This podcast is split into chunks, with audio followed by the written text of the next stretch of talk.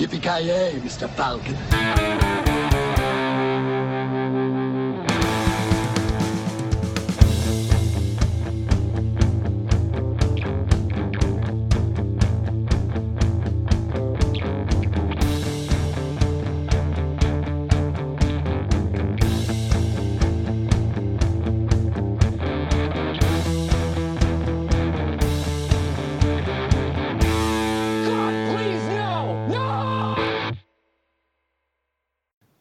Jajamensan gott folk, avsnitt nummer 6.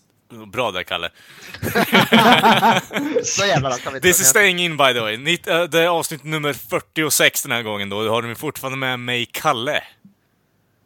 Joakim Granström. Uh, Joakim Avoya. Och Kent. Jajamensan, och eh, då har ju vi som samlad trupp, nästan alla i alla fall, gått och sett på nya Star Trek-serien på Netflix. Och eh, ja, den har ju den checka förkortningen STD, så ja, det är ju bara liksom att spinna vidare på den egentligen. Mm. Ja, det kanske räcker så. Ja, det kändes lite så också. Med det har vi sagt allt som behöver sägas vidare Ja. till nästa grej. Ja, Vad tycker vi om STDs rent allmänt? ja det är nice alltså. redan? Det är nice. Bra skit. Uh, Jesus Ja, men ska vi börja med vad vi hur känner vi kring Star Trek i, i rent allmänhet? Har vi någon här som är ett fan eller? Ja, jag skulle väl kunna kalla mig något typ av fan i alla fall. Jag gillar ju de äldre serierna, alltså från 60-talet. Det... Och eh, ja, Enterprise där tycker jag är jävligt bra. William Shatner alltså eller? Shatner och eh, med, eh, ja, vad fan heter han då? jag kommer inte ens på namnet. Eh, Nimoy, Leonard Nimoy, Nej, jag tänker på Picard. Kommer inte ens ihåg. eh, Patrick Stewart, så. Patrick Stewart, jaha. okej. Men det är väl två helt skilda serier? Eller? Ja, precis. Men jag är ett Ja. stort fan av de två. Nej, ja. det, ja. Den är ju ännu äldre, den med Leonard Nimoy är väl ännu äldre, den är väl från 60-talet eller något sånt där. Mm. Nimoy är med i 60-talet-serien, så Ja. tillsammans med Shatner. Så. Ja. Men den har lite så här check skärm där, att det ska vara någon form av futuristiskt och alla problem i världen ska i stort sett vara alltså, lösta, utan det är mer bara ren utforskning och eh, ja, men det är ju en mer, eh, ska man säga, kallar den för någon typ av mer eh, substansmässig serie, att man får någon form av eh, lite tankeställare i varje avsnitt. Varje avsnitt. Mm. Jag är jävligt nyfiken på vad Granström tycker för han ha- hatar ju Star Wars liksom. Vad, vad tycker han om Star Trek?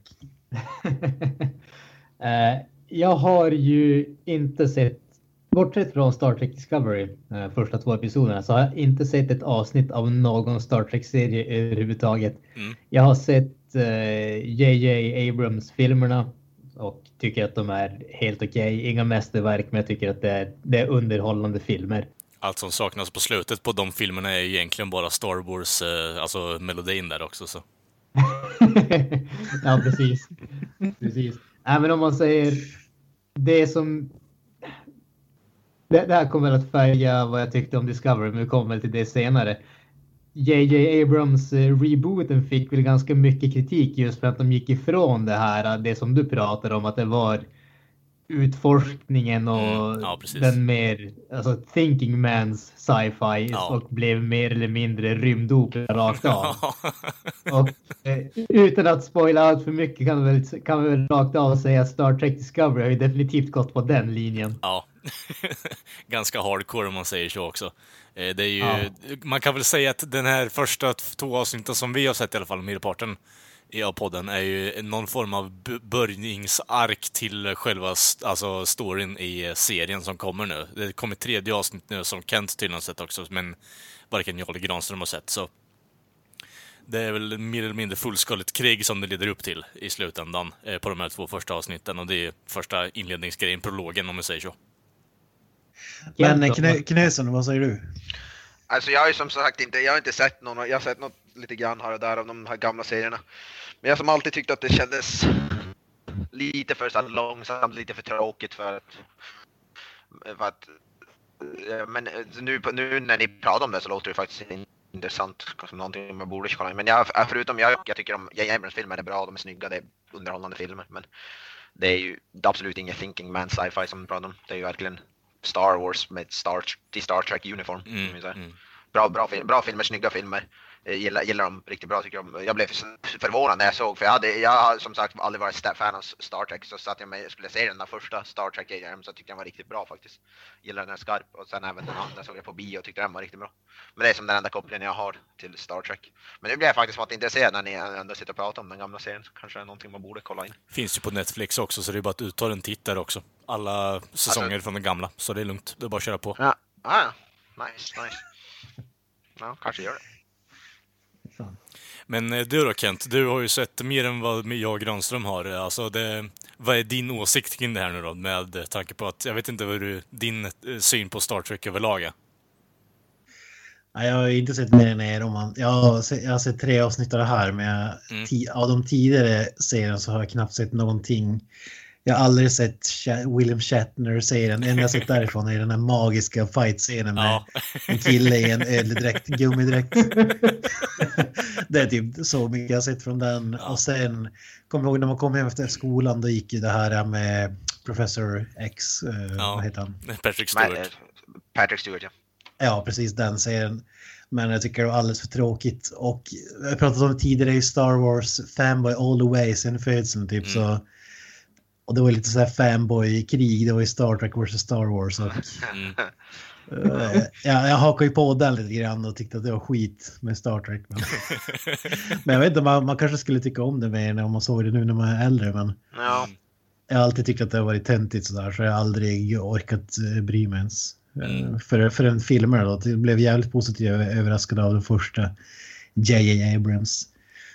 Och så hade jag förhoppningar på den andra som jag tyckte var helt värdelös. Och sen tycker jag att den tredje faktiskt var ett snäpp upp igen. Även om det inte var lika bra som ettan. Men... Så det är väl typ så jag kommer in med den här serien. Jag har egentligen ingen tidigare erfarenhet från serien men eh, ja, filmer har ändå gjort det lite intressant tror jag. Mm. Jag tror inte att det skulle kunna gå att ha en sån som den gammaldags serien är idag. Liksom. Jag tror att det är för för tråkigt. Mm. Helt enkelt för att ja, eh, alltså rent, folk skulle ja. orka bry sig om det. Liksom. Nej, rent, rent ekonomiskt sett ur sån synvinkel så hade de, hade de gjort en sån serie med samma som låga tempo. Jag tror det hade varit förmodligen kommersiellt självmord för dem. Försöka göra någon sån serie. Men det var väl i princip kommunfullmäktige i rymden. ja, det är väl det. Ja, men så, så upplever jag det. Att det är ja. Jag har inte sett det så det är kanske helt fel, men det är politik varje avsnitt. Är det, sin, är det vad heter det, tecken på åldern att jag tycker det låter intressant eller vad, vad, vad beror det på? jag vet inte. Då måste mer... du älska Star Wars Episod 1 och 2 också. Fan. Nej, det gör jag inte. Herregud. Det är också så kommunfullmäktige i fyra ja, men det är ju... kommunfullmäktige i, i en, oint, o, en ointressant kommunfullmäktige. ja, det här är kanske bättre. Om vi går vidare till eh, STD då. Ja. Kalle, Kalle, som kanske har haft eh, mest erfarenhet av Star Trek. vad, vad tyckte du om de här första två avsnitten? Alltså, rent tekniskt sett så är det ju en... Jag tycker den ser, den ser bra ut alltså, tycker jag ändå. Eh, sen så kan man väl diskutera lite kring karaktärerna som Klingons och sånt skit, hur de ser ut och allt möjligt jox. Eh, evolutionen har inte varit riktigt på deras sida om vi säger så, tycker jag i alla fall. Men det är intressant att de har lite andra, alltså att det inte är någon form av enhet utan att det är lite som oss människor, att det är andra typer av hudfärger och sånt. Det tyckte jag var intressant. Eh, sen så kan man inte säga så här att, att det är inte riktigt Star Trek för det ser för jävla high-tech ut. Alltså, det är väl mer att Star Trek ska ju ändå på något sätt vara någon form av framtidsvision där alla problem är lösta Eh, och teknologin och vetenskap är det som härskar över världen i stort sett. Eh, man försöker väl göra det till viss del, men sen så blir det den där hela grejen med krig. Det ska ju inte finnas någon större alltså, konflikt i världen egentligen, utan det ska ju bara vara någon form av stor lösning där man diskuterar fram problem, alltså, alltså lösningar på problem istället. Det är klart att det har funnits krig i Star Trek-filmer och Star Trek-serier överlag, absolut, och fighter som Kent säger med stora jävla gummiödlan egentligen, men alltså det det, det, är inte riktigt det det handlar om, utan det är mer bara tankeprocessen kring hur man kommer till, fram till en lösning som jag tyckte att Star Trek eh, kanske skiner igenom och har någon form av fördel framför Star Wars istället. Ja, jag håller med, det säger riktigt, det känns påkostat. Alltså, det känns nästan, ja kanske inte riktigt, men mer åt filmhållet än, mm. än seriehållet med effekterna och sådär. Däremot så håller jag med om att den Kling, Klingon-rasen ser ju inte så häftig ut. Jag tycker att han, huvudpersonen där som det handlar om, eh, ledaren eller vad man ska kalla honom, eller han som vill bli ledare kanske ska säga. Mm. Han, han, han ser ut som en meme som flyter runt på internet. Jag vet inte vad det är ifrån. Det, det är en groda med stora ögon. Vet du vad jag menar då? Ja, Pepe the, Nej, Fro- Pepe. Pepe the Frog. Ja, jag har ingen aning vad det är ifrån. Alltså, jag tycker jag ser jävligt lik ut den alltså. Nice. ja, Jag skulle sammanfatta de två första avsnitten som... Ja, ja, men samma här. Ja, jag, jag lutar väl åt, eh, åt ert håll där. Jag, som jag sa tidigare, jag, jag tror att min stora besvikelse här, det var ju just att det var en actionserie. Jag, jag hade hoppats att de skulle våga göra någonting Mm. annat. Det, det känns som generic action in space ungefär. Ja, men precis. Sen så tycker jag, jag håller med, alltså det är en fantastisk, för att vara en tv-serie så är den ju fantastiskt snygg. Eh, Brian Fuller som är eh, showrunner gjorde ju eh, Hannibal. Hannibal, ja. Och Precis. den är ju, det är också en fantastiskt snygg serie så att, Eh, att den visuella biten skulle vara top notch det, det håller jag inte som någonting konstigt på något som helst sätt utan det är snarare vad jag förväntar mig. Tyvärr så är det väl så att resten höll kanske inte samma klass.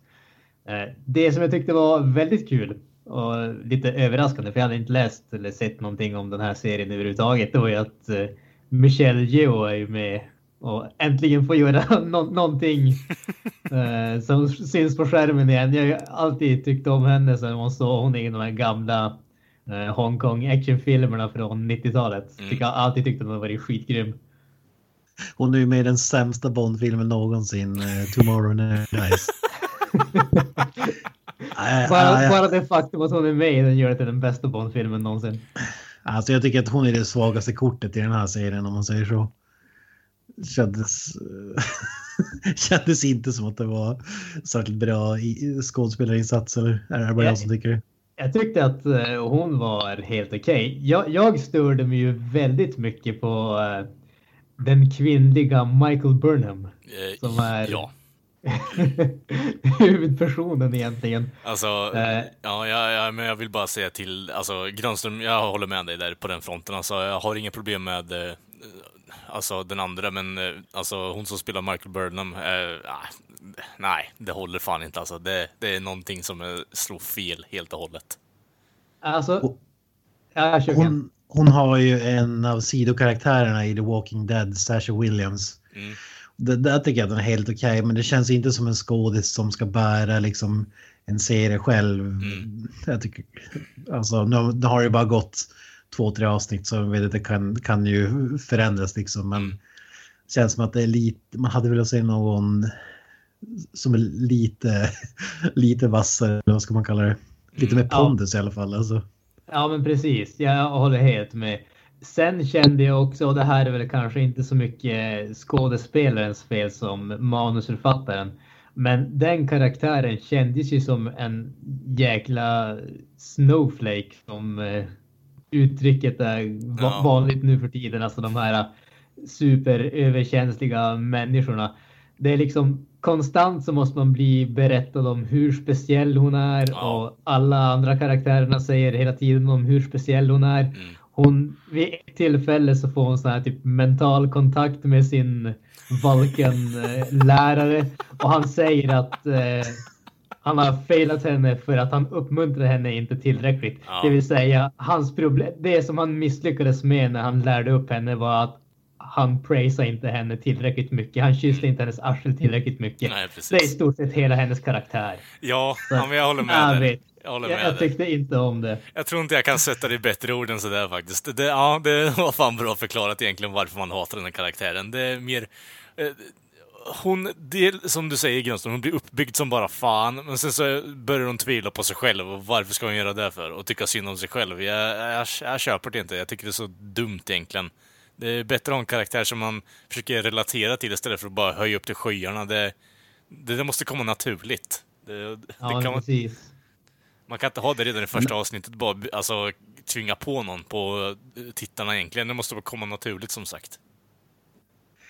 Men när vi ändå är inne på skådespelarbiten innan vi startar den måste vi säga Doug Jones måste man ju nämna. Yes! Ja. Ja, jag var så glad att säga han också. Dr. Carmack från Doom. Ja. eh, Abe Sapien från Ja, Hellboy. kung. Är ju Guillermo del Toros lilla, Ja, en av favoritskådespelarna. han är med i allt. Han är med allting som Guillermo del Toro gör. Ja, Pans labyrint och så vidare och så vidare. Ja, Ja. han såg ju för jävlig ut. Ja, han spelade någon slags utomjording eh, person. Men, Jag Sorrow. men ja, han är ju kung alltså. Jag tyckte han var riktigt bra. Granström, vad säger du om handlingen i de här två första avsnitten?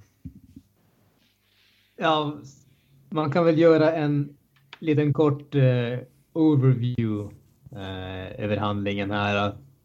Och det är ju krasst sett att eh, den här Michael Burnham egentligen eh, anses av den gamla kaptenen vara redo att ta över lite mer ansvar vilket kommer i samma veva som de stöter på ett föremål i, visst är det federationen de kallas? Ja, jag känner igen det. Jag tror att vi, vi kallar det federationen, vi har inte Ja, så Federation. Federationens eh, yttre territorium. Och istället för att eh, göra som en normal människa skulle göra och liksom försiktigt undersöka vad det är så ska ju Michael Burnham visa hur häftig hon är genom att eh, sticka dit och börja banka på saker och så visar det sig vara klingoner som är lika fredligt eh, lagda som vanligt och så börjar alla slåss och så sen slåss de i typ ett och ett halvt avsnitt. Var det en bra sammanfattning av vad som händer i de här två avsnitten? Ja, vi behöver, vi behöver inte spoila någonting, men det är väl typ grundgrejen. Men Ja. en, sak, en sak jag fattar inte, det är ju som att huvudpersonen får liksom skulden för att det här bråket drar igång nästan, men... Äh, ja. om de hade gjort, utan att spoila någonting, om de hade gjort som hon hade velat från början, hade det inte... Hade det inte kommit runt det då, eller missade jag någonting i handlingen? Det vet man ju inte, för, för de, eh, de kunde ju inte prova hennes eh, alltså, väg heller med tanke på att nej, vi ska inte hålla på och skjuta mot dem. Men eh, ja, lite halvdumt att federationen Ja, men det jag var- menar, hade, hade de gjort det direkt, då hade det kanske slutat. Mm. Då hade det kanske inte behövts bli någon fight. Nej, jag menar det med tanke på att dels är ju Klingons, det är ju krigsras för fan. Och det är som hon säger, de svarar ju bara på våld egentligen. Så... Det hade ju kunnat funkat, men det vet vi ju inte. För de, de fick ju inte prova det. Hon blev ju kastad till bryggan för myteri. Mm. Så, i, spoiler alert. Ja. Ja, nej, vi behöver, vi behöver inte spoila om det. är- Det är egentligen ingen spoilers. Alltså, när man ser det så, så förstår man vad som ska hända och så, Mm. och så vidare. Det- Man kan, krasst kan man ju säga, läser man synopsisen på handlingen på Netflix så tar den ju egentligen upp efter de här två inledande avsnitten. Mm. De här två avsnitten är ju bakgrunden. Det är också, jag såg Red Letter Media som, eh, som jag i alla fall avgudar hade lagt upp en eh, recension av de avsnitten. Mm. Och det de säger är sant. Alltså, en pilot för en serie, då visar du liksom, du lär känna karaktärerna, eh, ja, men vad som händer, miljön och så vidare. Men allt det där kastas ju ut ur fönstret. Eh, det blir helt nya, helt nya karaktärer till det tredje avsnittet liksom. ja, det är ju bra. Ja, ja men då, då alltså, vi, all, alla, alla byts inte ut, men i, i princip. Mm. Alltså, ja, är inte det lite märkligt? Det, det känns ju... Alltså gre- grejen där kan väl till viss del, nu vet jag inte hur det här eh, spelades in egentligen, men ofta är det ju så åtminstone när det kommer till... Eh, ah, nu, nu tappar jag bort mig helt i vad jag tänkte. Eh, vi tar om det där från början. Nej, men när, när det kommer till eh, de flesta tv-serierna så är det ju så att eh, pilotavsnitten görs ju ofta ganska långt i förväg för att kunna visa eh, tv-kanalerna och hela den biten. Och då gör det ju mer eller mindre så att då måste man få in just den här bakgrundsinformationen. Alltså du måste ha väldigt mycket karaktär och hela den biten. Undrar, som sagt, jag vet inte hur det här gick till, men undrar om det helt enkelt var så att de såg konceptet och Netflix sa vi kör på det här så fick de en episodorder med en gång. Istället för att behöva göra en, ett pilotavsnitt och ge bakgrunden så kände de att ja, vi kan bara liksom kasta in oss i handlingen. Det, vi behöver inte ge den bakgrunden för nu har vi vårat på det torra. Nu har vi en säsong ungefär. Jag tror, jag tror att allting är gjort i samma sväng för att det är CBS som har gjort den här serien, det är Netflix. Däremot visas det ju på Netflix. Okej, okay, ja, det hade jag inte koll på. Eh, det är därför det, det, det är därför det liksom inte hela serien går att kolla på nu utan det kommer ett avsnitt varje vecka. Jag vet inte om vi sa det i början eller inte men så, så där, därför tror jag att jag, jag kan inte tänka mig något annat än att allting, alltså att allting hänger ihop, att man visste. Alltså det känns som att det, visste från början det, att det skulle bli en hel säsong. Ja, för det känns för, att man har lagt för mycket pengar på effekter och så vidare. Om det hade varit ett pilotavsnitt, då hade man kanske skalat ner den biten ganska, ganska rejält. Eller, ja. så det talar för att det var liksom klart att det skulle bli en, en hel serie. Det är ju det som också är lite men det kanske blir så på Netflix att det bara kommer ut ett avsnitt i veckan. Så via, via Play har ju börjat med det också. Det är klart, har du en serie, du hinner ju se en serie på en månad om man säger så, så säger du upp abonnemanget bara när, när du har sett en serie du vill ha. Det kanske... Jo. För att här, vad, vad jag förstod så pågår den här serien fram till november, tror jag att det var, oktober eller november. Sen har de en paus på två månader och börjar om i januari. Så det är lite märkligt. Eh, ja. Ja, för det är inte en serie som liksom lockar in till tittare om vi säger så. Om. Eh, I alla fall inte för min del. Det är inte så här en dragplåster direkt. Det är, inte, det är ingen Better Call Saul som Netflix har också. Det är ju faktiskt ett dragplåster för min del. Men ja, alltså... Men det var väl nästan, det var väl nästan 20 år sedan tror jag som förra senaste Star Trek-serien gick, eller? Ja, det är något... Det var början av 2000-talet. Ja, det är något åt det hållet är det. Ja, är det typ största franchiset i världen efter Star Wars ungefär. Jo, jag förstår ju egentligen, men alltså när folk har sett första avsnittet så kommer de bara ah, might as well cancel this fucking subscri subscription, liksom tänker de, och så går de vidare med sitt liv. ja. Ja. men innan vi, innan vi sammanfattar bara så kan jag bara säga, alltså jag har ju sett tredje avsnittet här då. Mm. Och det tycker jag är lite synd att det inte var det andra avsnittet. För att det, det händer mycket mer. Och där är det väl egentligen den riktiga piloten skulle jag vilja säga för det som det som kommer nu. Att man hade nästan kunnat skippa de två första tycker jag. Mm. Och så hoppa direkt på tredje. men det roliga är att det tredje förvandlar sig till Resident Evil första filmen. Jajamän. Kung! Nu blir jag ju taggad på att se det. Ja, så det var betydligt mer... Eh, de till, till och med som vi pratat om Resident Evil är eh, Alice in Wonderland. Eh, no, inspirerat Girl Falls Down a Hole och så vidare. Och här citerar de till och med Alice in Wonderland under typ två minuter i, i det avsnittet och lä, har, läser boken liksom och sådär. Okay. så, det, kanske, det kanske är våran vän Paul W.S. Anderson som... Eh... Han har haft ett finger med i smeten. Ja, precis. ja, nej, ja, nej. Ja, Ja, det, men eh, om man ska sammanfatta då, det är väl en serie, det är ingen serie som man vänt, inte kan vänta på nästa avsnitt. Det är väl snarare typ att när det har gått ett år och alla avsnitt kommit ut så kanske man kollar på den. Eh, så, men det känns ju inte som en liksom... Det är inte så att man kommer att titta serie... på helspänn och se varje avsnitt så fort det kommer ut.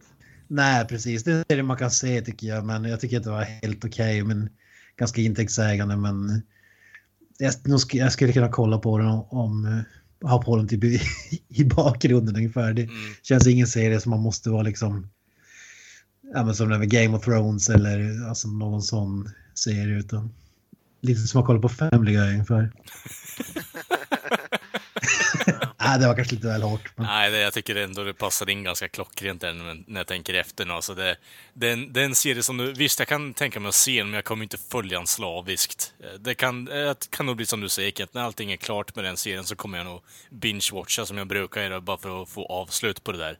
Se om det leder någonstans, men än så länge så är jag inte imponerad faktiskt. Jag har en liten fråga och jag vet inte om det är för att jag missar någonting eller för att jag är för dum för att fatta hur smart den här serien är. Mm. Men de säger ganska uttryckligen att de har inte haft några, någon, kling, någon kontakt med klingonerna på ungefär hundra år. Mm. Men De dödade Michael Burnhams föräldrar och hon ser ut att vara typ 25 som äldst. Eh, ja. Hur, hur gick det där ihop? Eh, plot hole. Det var väl lite det där att hon växte upp som Vulcan och Vulcan är väl, vad heter han? eh, Ah, vad heter han? Spock ja. Jo, jo, men, men hon, hon måste, bo- borde väl rimligtvis åldras som en människa ändå. Hon är ju människa. Ja, men jag menar det kanske är, de kanske har stött på klingonerna, är du med? Av, även bara för att det inte Starfleet eller människorna har gjort det. Jag, tänk, jag tänker mig Ja, att det, men, men, men är inte, är inte hela federationen en liksom en blandning av alla olika raserna? Hade, alltså hade, hade federationen stött på klingonerna så hade det väl räknats på samma sätt som att Volken hade sett på dem, tänker jag. Alltså, Eller så, vet- som sagt, det kan bara vara jag som inte förstår riktigt hur serien det, är jag, uppbyggd. tro, det jag tror mer... Alltså jag, jag, ja. tror, jag tror att man behöver ha kunskap om hur de andra serien, men den här serien utspelar sig ju innan William Shatner-serien till exempel, som jag förstått Va? det. Så det, det är inte säkert att de är liksom eh, allies. Det, de kanske blir det för att de pratar väl nedsättande om Vulcans i den här serien. Nej, inte så skulle jag se det på. Det är mer bara att det kanske är lite för logiskt tänkande. Det, de, det är inga känslor, känslomässiga beslut de tar överhuvudtaget, men det är ju bara rasen Ja. i sig. I, I tredje avsnittet är det så i alla fall. Okej, okej. jag kommer inte ihåg. Men eh, jag kommer inte ihåg hur mycket det var i avsnitt ett och två. Men då är liksom Vulcan något fult ungefär. Och hon smiter ju iväg för att prata med en Vulcan-figur om jag förstod rätt. Okej, ja, men bara för att kanske på något sätt skicka lite ljus åt eh, Granströms fråga då. Det kan ju vara så att hon har blivit indoktrinerad av, eh, alltså, the Vulcans. Att hennes föräldrar dog av, eh, eh ja, the big bad, alltså, så jävla mycket namn nu, jag har inte koll på vad fan det är. Klingons. Att de dödade hennes föräldrar supposedly. Eh, bara att hon var orphan och blev omhändertagen där någonstans. Jag vet inte. Det kan ju vara någonting bullshit bara för att få med henne på att bli en Vulcan i stort sett. Med tanke på att hon var så stor och speciell och han skulle lära henne. Ja, det, Vi- det, vi kan ju sammanfatta det här svaret, som- svaret, jag sammanfattar svaret här. Ja. Vi lär få svaret om två säsonger kanske. Antagligen. Ja, precis. Det var ungefär det jag skulle säga.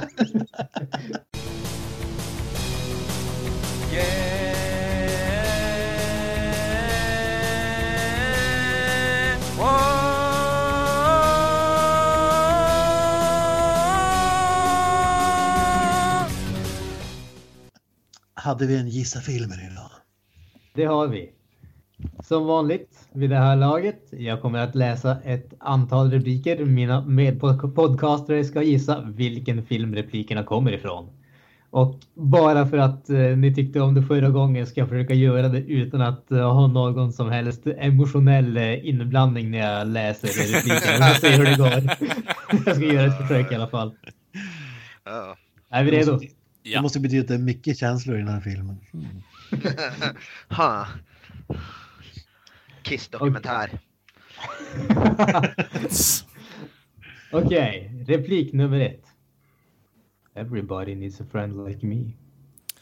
Uh, ah, Eh, Ja. Jag hade kunnat ta den där om jag bara Ja. tänker snabbare än vad jag jag, tänker mig, eh, kan det vara Aladdin kanske? Nope. Nej. Ja, just det, det finns ju en sång som går något sånt där i Aladdin. Ja, You ain't never had a friend like me. ja never. Läs den med känsla.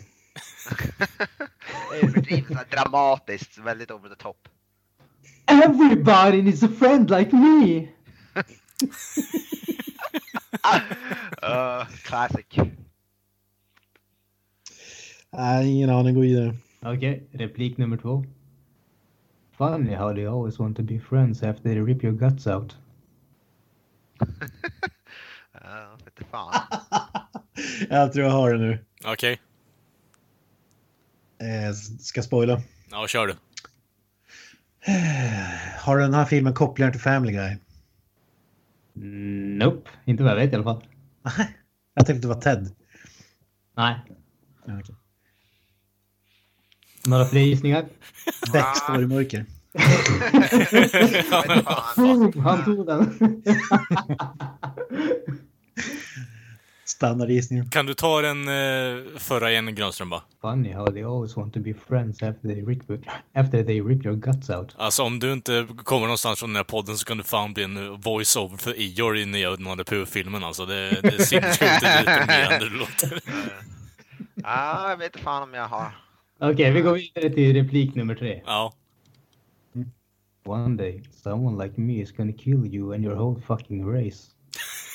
Ja, jag, jag tror fan jag vet. Jag tror fan jag vet. ja, kör på. Ska jag gissa? Ja. Uh, nej. Ska jag inte- nej. Ska jag eller ska jag inte ja men gissa? kör på! kör. Eh, Starship Troopers. Yes! Fan vad oj, det här. Jag kan dra de andra också. du är en jävel på Google. Den, där, jag känner faktiskt igen, jag, var, jag var, hade någon hum men jag var inte så här, men den där repliken känner jag faktiskt, eh, typ den enda jag kommer ihåg från filmen överhuvudtaget. Den, har ganska många härliga repliker också. Bland annat The enemy cannot push a button if it disable his hand. Eller I need a corporal. You're it. Until you're dead or I find someone better. Eller klassikern Would you like to know more? Ja. Eller den som som vanligt vi alla hade tagit den på. Och här kommer ni att få in, inlevelse för det går inte att säga det här utan Come on you apes! You wanna live forever! Ja, den hade jag tagit faktiskt. jag hade ju You kunnat, apes. jag hade velat se, eh, alltså, the only, dead, uh, the only good bug is a dead bug, typ. Ja, fan. Ja, man kan inte få allting. För övrigt, fun fact. Den här filmen, Starship Troopers, var den första filmen med 15-årsgräns som jag såg på bio. Ofränt. Wow. Mm. Fan, jag, jag, jag har fan inte sett den här filmen på jävligt länge. Alltså. Kanske blir införskaffa Blu-ray-versionen eller något. Blu-ray. Jag såg att det kom i en, eh, jag tror att den har, jag tror att den har släppts nu, eh, en ny Starship Troopers med Casper Van Dien och Ja, ja. Tina eller vad hon heter. Det är så här, fyra typ eller något sånt där. Säkert fyra eller fem. Eller. Jag har, inte någonting. sett någon, jag inte sett någon annan än första. Så jag hade väl inte tänkt göra det heller. Jag har sett första och så tror jag att jag har sett någon typ dataanimerad variant. Fyran var väl Invasion, eller? Den här tecknade... Det kommer någon här Ja, det kommer någon här, Starship Troopers Traitor of Mars, sci-fi från 2017. Ser jag på diskshoparna. Det tror jag är den nya med Casper. Ja, ja Cas- Casper Van Dien. 5,5 på IMDB, jag verkar lova det. Ja, precis. Det är fan ändå högt för en som någonting som verkar vara en skräpfilm. Ja, kan inte vara sämre än tvåan i alla fall. Oh, Ja, ska vi gå vidare? jawohl. Yes. Scream for me Long Beach! Scream for me Long Beach! Knösen, vad har hänt i veckan? Jag har, eh, jag har sett, i helgen såg vi, jag började se Alien Covenant. Jag har inte sett hela, en halvtimme kvar. Och ja, ja, ja väl, Säger väl allt. alltså jag tycker, jag tycker väl inte det. Jag ligger lägger mig på ungefär samma som, nivå som Prometheus. Den, alltså, det är, när man, förvä- efter, man förväntar sig, man vill ju ha Alien eller Aliens men det kommer ju aldrig bli så. Så den, den är någonstans, den är helt okej men ingenting jag tycker är något så här. Woo! Den är Men fan den- inte okej. Alltså jag tycker inte den var usel, jag tyckte inte den var mästerverk, jag tycker den var så medel, medelmåttig hittills. Den var, hade, det var, det fanns, det fanns lite underhållande det, det, delar här, men det var alltså ingenting speciellt. Inget, ingenting som jag ens skulle placera i, säga i samma andetag som Alien eller Aliens. Eh, någonsin. Uh, förutom den så jag har fan inte sett någonting faktiskt riktigt. Jag inte, förutom den här filmen som vi ska recensera sen, Solent Green, så har jag inte riktigt, jag har inte sett någon film sen dess. Ja, jag har spelat, jag spelar lite med det här uh, Observer som jag pratade om sist och det är, kan inte fortsätta rekommendera det. ett av de bästa spelen jag har spelat förmodligen i den genren i alla fall. Alltså skräck, när det gäller så här skräckspel och sci-fi. Definitivt i toppskikt det där. Nice. Eh, eh, men vad har jag mer? mer? Jag har pratat om, vi har ju pratat om Judge Dredd lite grann så här i andra avsnitt. Jag har uh, börjat med ett spel som heter Judge Dredd, Dredd vs Death. Gammalt spel, så 2003 typ 2. PS2 Xbox. Versus Death. Mm. Dread vs Death. Nice. Det handlar om, det handlar om så, det blir någon sån här zombie-invasion och så ska du spela som, som Judge Dredd, Dredd och ja. döda. Varför började du spela det spelet? Jag faktiskt spelat, det är faktiskt, jag har faktiskt installerat, köpte det för ganska länge sedan och spelat och sen har jag nu installerat igen och ja, jag ska börja börja börja med lite grann mer. Men jag vet inte, jag blev liksom sugen efter, efter att ha sett. Jag har också införskaffat första volymen av det här Judge Dredd Case Files. Åh, heter. nice. Så blev jag, så blev jag sugen och det enda som Judge Dredd-spel egentligen som finns som är eh, alltså så, i alla fall som är relativt modernt är väl det här Dread vs Death och då införskaffade jag det. Och det är faktiskt inte, jag tycker inte det är så dåligt, jag tycker det är små, det är ju väldigt föråldrat men det som är roligt med det är att du kan ju arrestera vem som helst, du kan gå upp till folk och så stoppar du handklovar på dem och så bä- så bäser Dread ut like, uh, in, vad är det de säger? In the cubes! Four years! Eller vad som han säger. Så skriker han ut det där och så står det typ, ja, inte fan vad vet fan, det kan vara- vara för att de är typ tjocka bara eller någonting, och du stoppar handklovar på dem och så, så skriker han ut hur länge de ska sitta. Oh, that, that's a, a serious violation. Ten years in the cubes. Det- det, det, är- det är typ det enda jag gör i spel, jag går runt och haffar folk. Fan nice. it Stallone, I am the law. Uh, jag vet inte, nej inte än tror jag, om jag har sagt något. Det är faktiskt rätt, rätt, det är rätt troget Judge Dredd-serien ändå, för, för du har ju hans lawgiver med så fem olika typer av ammunition och så. Det är rätt coolt ändå för att för så gillar man Judge Dredd tycker jag ändå det kan vara, men det är ju som sagt det är föråldrat och funkar inte så bra på moderna PC-system heller. Mm. Eh, förutom det har jag också införskaffat Cuphead. Ja, ja, jag såg lite gameplay på det faktiskt. Alltså, herregud vad bra det ser ut. Eh, Jag är lite sur över att jag inte har en Xbox One. Alltså, eh, Ja, men du är bara skaffa det på PC annars. Det, Ja. det kräver ju inte någon speciellt eh, stark PC det där spelet. nej, men fan vad bra det ser ut alltså. Fan vad bra Ja, det ser ut. alltså jag, jag spelat jag är en kvart bara säger men jag spelar mot mot det är ju fantastiskt alltså. Det är ju, det är ju så bra som jag hoppats på i princip. Mm. Ja, det kan inte rekommenderas nog. Det är förmodligen det snyggaste 2D-spelet jag har sett, alltså som är i 2D-dimensioner som jag sett i hela mitt liv. Förmodligen. Men ja, nej det börjar bli mest tv-spel. Jag har inte, jag har inte direkt se- sett på någonting. Kent. Granström. Ja, fy fan.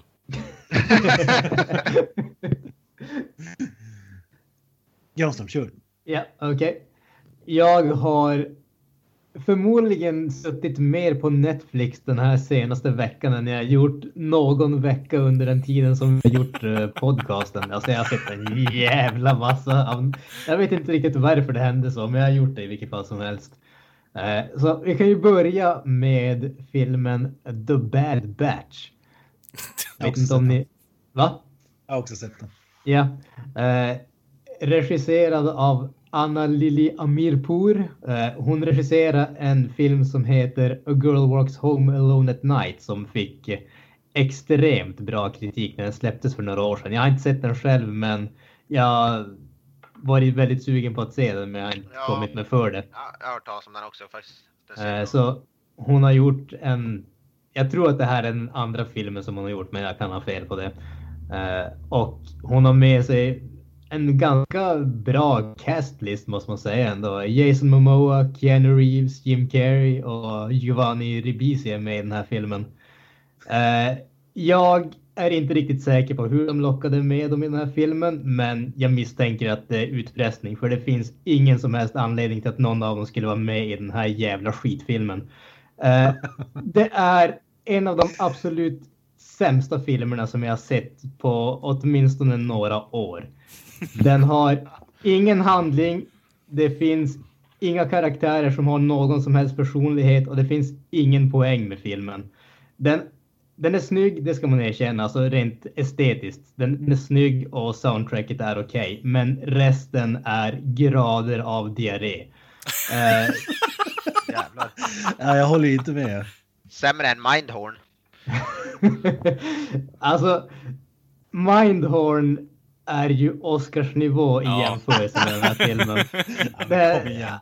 Nej, alltså den här filmen. Alltså, jag har inget problem med filmer som är långsamma eller där, liksom, där det inte händer saker. Bara det finns någon sorts tanke eller mening med det. Som vi pratade om förra avsnittet med Mr Holmes. Det är en väldigt långsam film och det händer inte jäkligt mycket. Men det fanns en tanke med det som händer. Det finns ingen som har satt någon som helst tanke när det kommer till den här filmen. Den är så fullkomligt värdelös och meningslös och det Oh. finns inte. Det, det, hade den här filmen varit en 15 minuters kortfilm, då hade den varit okej. Jag kan sträcka mig så långt att jag säger att den hade varit okej. Men nu är det en nästan två timmar lång vanlig, vanlig film. Vilket gör att okej, det dras ner till blöt diarré med klumpar kvar. jag, jag, måste, jag måste sticka in här, jag håller inte med. Den, den har ju 5,4 på IMDB, så man hade inte så höga förväntningar. Men som säger, den första filmen jag gjorde var ju sjukt hypad. Men, eller jag, jag säger så här, jag säger inte att den är bra, men jag tyckte ändå att det var intressant. Uh, alltså, att, att se den, alltså den, att den inte har någon poäng, alltså slutet är ju, vi ska inte spoila någonting, men slutet är ju liksom, jaha, men eh, jag, jag tycker snarare det känns som att, för det första känns det som att man försöker göra en kultfilm, men inte, inte lyckas då kanske. Mm. Eh, Eller kanske det lyckas man inte med. Problemet är väl i så fall Men jag ska- att man vänta, vänta, jag ska bara säga- jag ska bara säga att- utan att, eh, alltså, man gör inte en kultfilm för att det ska bli en kultfilm. Nej, precis. Det, det är det som är problemet. Jag, jag, tyck, jag tycker snarare att man försökte klämma in alldeles för mycket skit. Alldeles för mycket. Ja, men vad den, vad den ville säga. Vad den, vad, vad den Jesus. Christ! vad- Calm down man. Jesus. Vi, vi, kan ju, vi kan ju prata lite om handlingen. Filmen börjar ju, det är, det är ingen spoilers. Det är det första kan du berätta handlingen för mig? Mm. Jag, jag vill påstå att den har ingen. Snälla sammanfatta handlingen för mig. Åh, upprört. Jag, jag är helt Oh seriös här. Jag, jag, det är inte, jag säger det inte på ett skämt. Den här filmen har ingen handling. Den här filmen är lösryckta scener som är sammankopplade enbart därför att det är samma karaktärer som är med i de scenerna. Ja. Nej, Jag tror, jag tror så här, eh, 9 av 10 som ser den här filmen skulle tycka exakt samma som det du säger. Men jag är den där undantaget. Kan inte speciell allihopa. Om, om, du... Nej, inte speciell, men jag, jag, hatar den inte som... Det är jävligt många som... Jag, jag läst också som tycker som Gran som liksom att den är helt meningslös och så vidare. Värdelös. Men man måste, man måste ju tycka om humor, ironin och eh, alltså det här social commentary gick kanske inte riktigt hem, men det är det menar att man försökte säga någonting men lyckades inte. Eh, Men, men ja, men, men lugn, lugn, lugn, lugn. jag, är i början, jag är jävligt lugn Ken. Nej, du är inte det. Han vill hoppa in och avbryta Ken hela tiden. Det här är Granström on crack alltså. Christ. Ja, men- Filmen utspelar sig då i framtidsdystopi kan man kalla det. Där eh, fångar, knarklangare, eller knarkare överhuvudtaget, alltså folk som anses inte vara för fina för samhället kastas ut i öknen ungefär. Och där är det ju djungelns lag så att säga.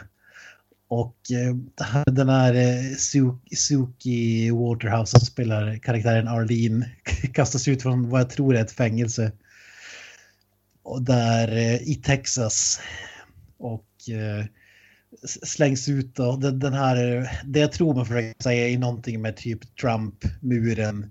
Alla är inte välkomna och så vidare. För om du tänker i, i, i början så är det ju typ här slutar Texas. Här, alltså, det, vill ju säga någonting om Texas som jag inte riktigt förstår, men någonting.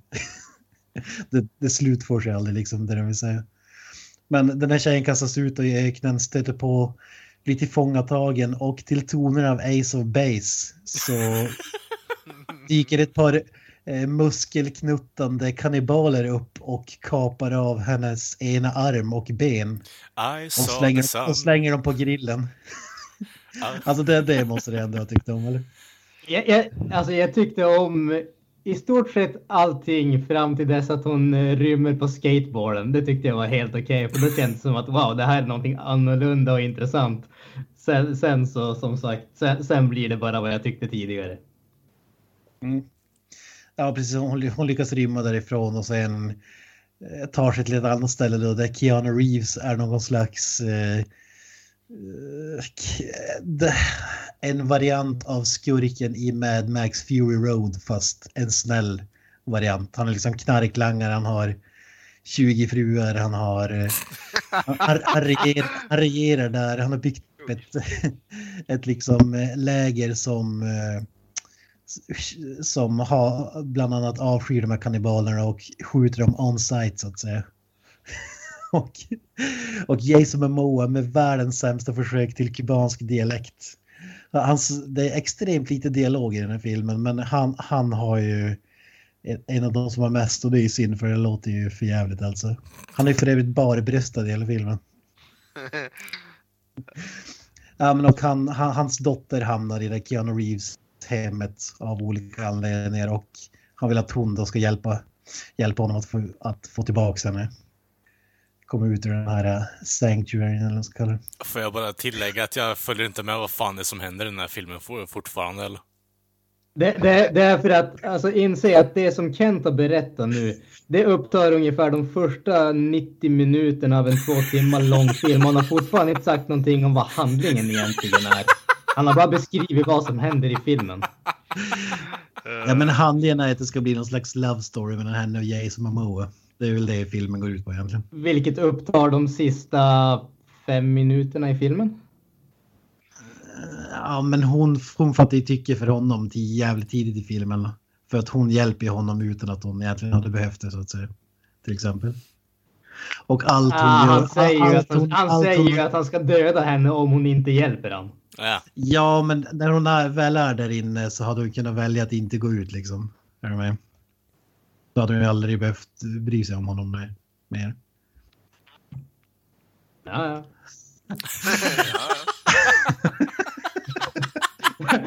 alltså, jag är lite sam. Den här filmen är så jäkla dålig så det känns som att vi spiller bara en massa meningslös tid för att diskutera den. ja, jag känner att vi kommer Okej, ingen vart vi, med den här vi, filmen. Men vi avslutar här då. Jim Carrey är med. Jag hade ingen aning om att han var med i filmen. Och när jag hade sett filmen så hade jag ingen aning. När jag läste rolllistan efteråt. Och jag hade ingen aning om vilken karaktär han spelade. Det, hade inte jag heller faktiskt. det var jävligt coolt faktiskt. Han, han är ju lite Mad Max-karaktären kan man säga i den här filmen.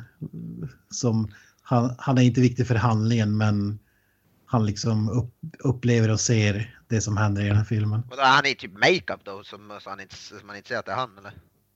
Ja. Makeup, slash skägg, peruk. Jag vill ju, Jävligt bra. Han, han säger inte ett ord i hela filmen.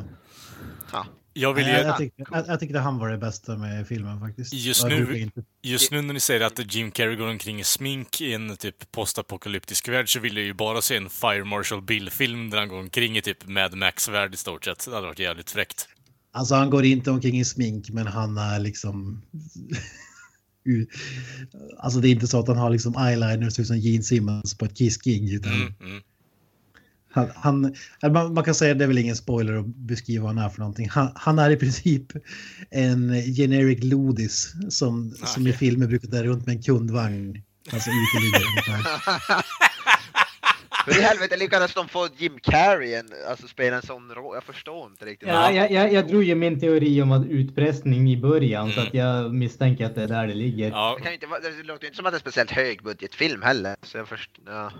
Fast när det Kan, kommer... kan du förresten, Kent, kan du förklara vad i helsike gjorde Giovanni Ribisi i den här filmen? Han är ju mer känd som, eh, vad heter han, Kalitri, Gone in 60 seconds. Ja, precis. jag tycker det var min namn. Ja, den här filmen är kung, alltså vi måste prata om den. Fy fan.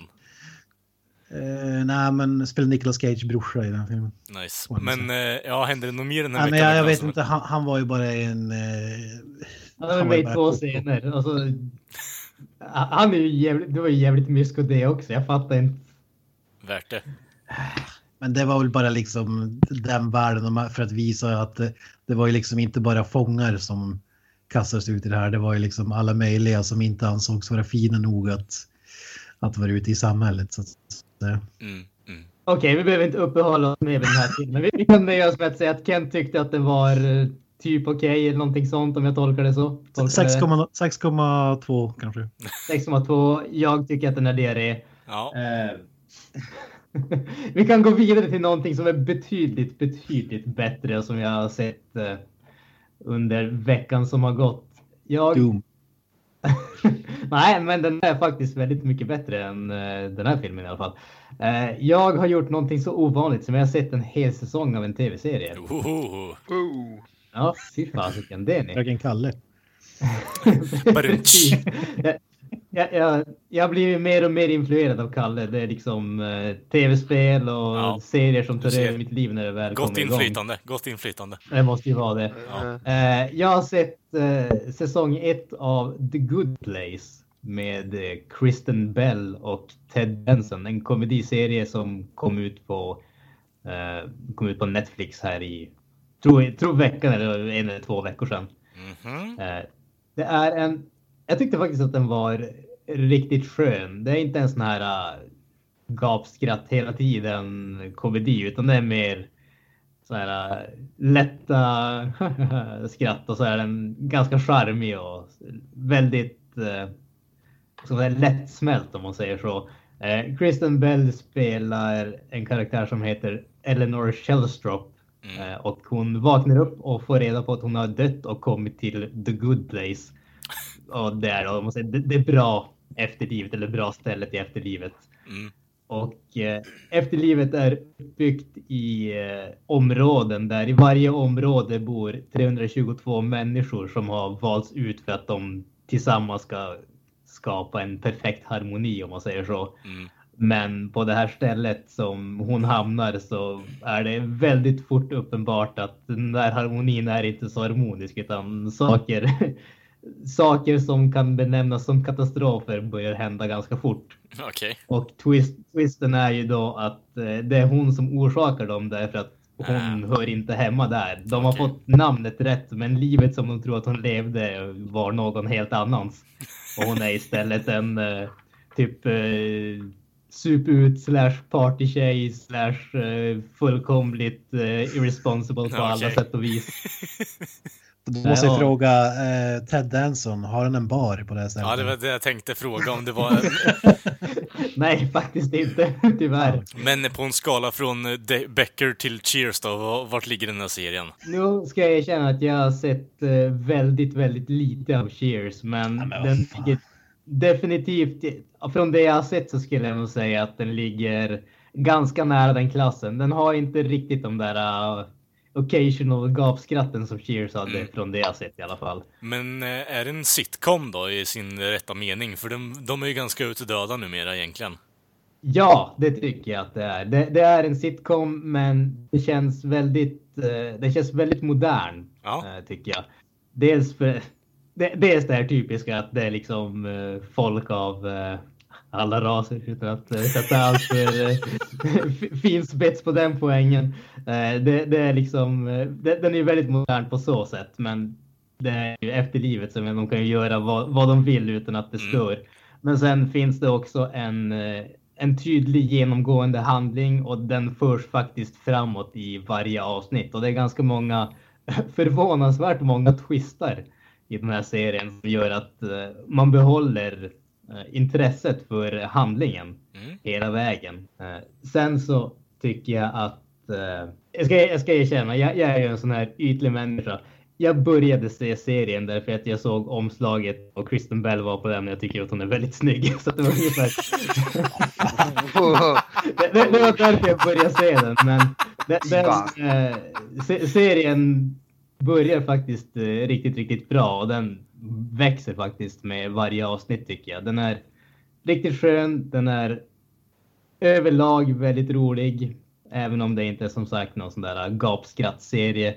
Det är många relativt udda karaktärer i serien och jag tycker definitivt att den är värd att lägga eh, lägga några timmar på. Det är en ganska kort serie. Det är tror jag 12 eller 13, 22 minuters avsnitt. Så att det, det är ingen sån där eh, galen timesync. Nej, men det är ingenting för fan. Den kan fan bli. För jag, jag är lite småsugen på en ny sitcom som är bra faktiskt. Det, ja, jag kan nog... Det är du och jag Granström, vi kompletterar varandra med bra serier och dåligt influerande med tanke på hur mycket vi konsumerar tydligen.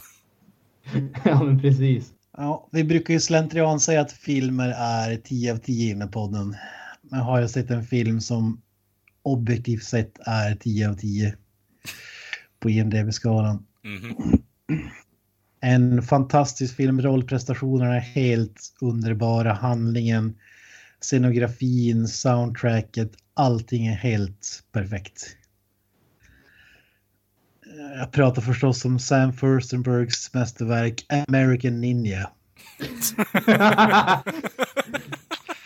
Fan. Helt bra den här alltså. På tal om hyperbole liksom. Det var ju första riktiga actionfilmen som jag såg när jag var cirka fem barre. Och eh, redan där coolaste som man någonsin har sett liksom. Eh, ska vi dra handlingen? Uh, men Michael Dudikoff då, actionstar. Uh, han är orphan. Han har uh, tappat minnet, han har ingen aning om sin bakgrund. Han är en amerikansk ninja. Och han, eh, på något sätt så hamnar amerikansk militärbas. Och där är det då en eh, konspiration där mellan hans eh, generalchefer och en bad guy där som håller på att sälja. De arrangerar transporter av rocket launchers. Jag vet inte varför man ska ha det i Filippinerna men och planen är då att lokala gerillan ska det se ut som eh, så rånar de här transporterna och kommer över dem men i själva verket så säljer de vapnen till den här eh, ja, Fre- French guy.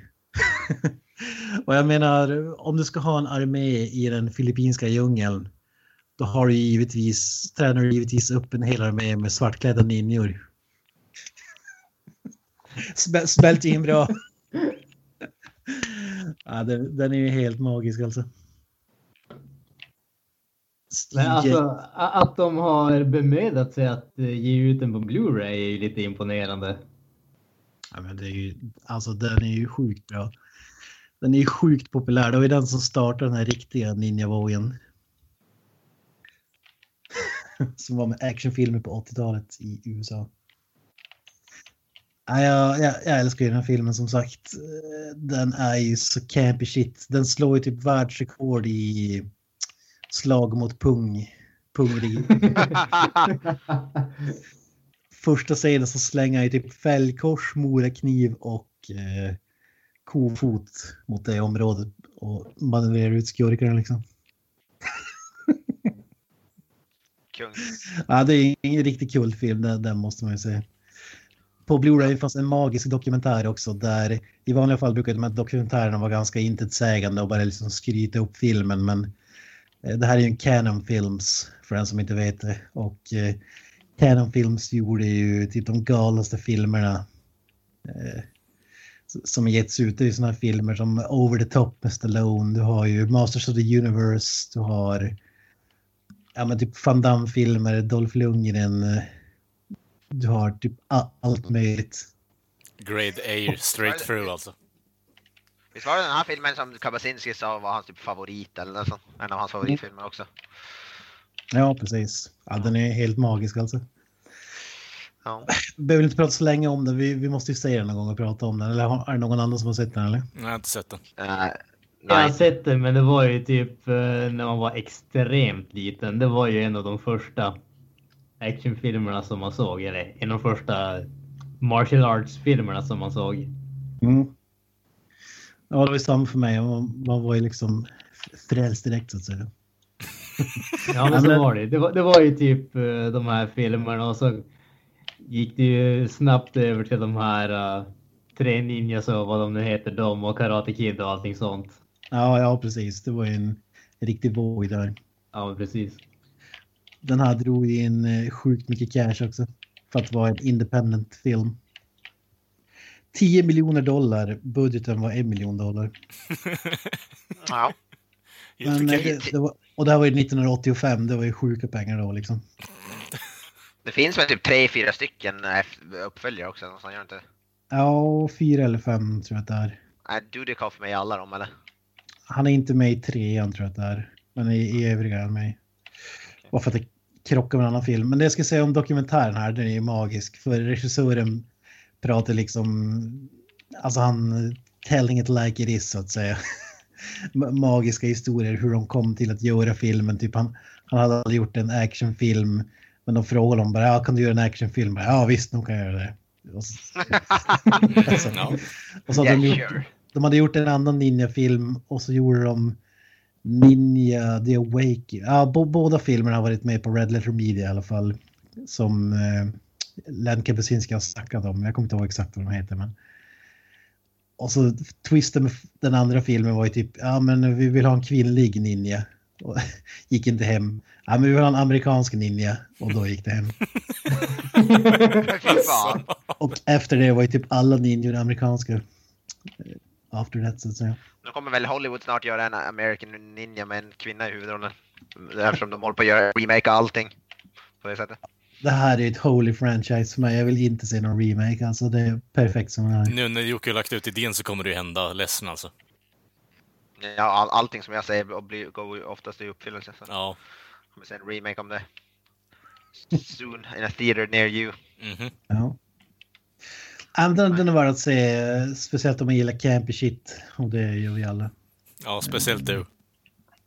Mm. Och den är värd att plocka upp nästan enbart för dokumentären som var magisk. Intervju med stuntkillarna, alla skådisar. Mm. Steve James eh, som... Eh, eh, han dog ju eh, för ganska länge sedan, 90-talet tror jag. Hans dotter intervjuar dem. alltså, de har grävt upp alla liksom biskådespelare. Men jag ska bara avslutningsvis säga att det var samma filmcrew som, som eh, var med och gjorde Apocalypse Now som filmade den här. nice. Seriöst? Ja, det, det lokala filmcrewet i Filippinerna. De, de hade just gjort den filmen och eh, det här gänget var liksom supertajta efter den. Så fortsatte de bara och gjorde den här direkt efteråt. ja, men det är sådana grejer som kommer upp i dokumentären som är jävligt intressant. Nice. Ja, Har alla kört? nej, Eller Kalle kvar? jag kvar. Eh, bortglömd som vanligt. Men eh, hur som helst. Jag eh, sett på Soylent Green bland annat som vi tar upp senare igen, återigen. Eh, sen så har jag även eh, eh, tagit upp eh, DuckTales igen, för det har kommit igång med säsongen på fullt igen. Så de släpper ett avsnitt varje vecka. Eh, kan inte säga annat än att, ja, herregud vad bra det är. Det, kvaliteten håller fortfarande på på karaktärerna, så jag har inte så jättemycket att säga egentligen. Men jag gillar story-arken de håller på och följer nu, så intressant. Jag kommer fortsätta kolla och det blir uppdateringar om det händer någonting intressant. Är inte Men, det Mm. är inte den dags ni har, vi har, ni har pissat på i omgångar förut i den här serien? När den först skulle, blev utannonserad. jo, det, jag tror inte du var här när vi, eh, både jag och Granström hyllade den till skyarna sen också. Så, eh, ja, get with the Nej, det game. var jag väl inte. Nej. Eh, Piller till skyarna vet jag fan om ni gjorde. Okej, men eh, den är riktigt bra i alla fall. Det är den. Eh, alltså, Uppfinnar-Jocke var ju med i ett av de nyare avsnitten också. Det, alltså, jag vet inte om galen veten, vetenskapsman hade blivit mer personifierat än i, i den här rollen alltså, men helvete vad bra det är. Det passar in så fruktansvärt underhållande också. Han har så sarkastisk jävla mörk humor också. Det är ju, det är ju på Disney XD egentligen, så det är ju lite mer för edgy, eh, edgelords teenagers liksom, men eh, jag tycker ändå det passar alltså. Det, är- det är fruktansvärt bra. Eh, sen ska har jag väl kollat på um, Rick and Morty och eh, kommit ikapp med det igen. Måste ändå säga att tredje säsongen är jävligt seg alltså. Det, det, det är någonting. De, andra säsongen eh, är ju liksom känd för att man släpper det på ett sånt där sätt och eh, det är cliffhanger på typ två år så man bara sitter och väntar på vad fan som ska hända.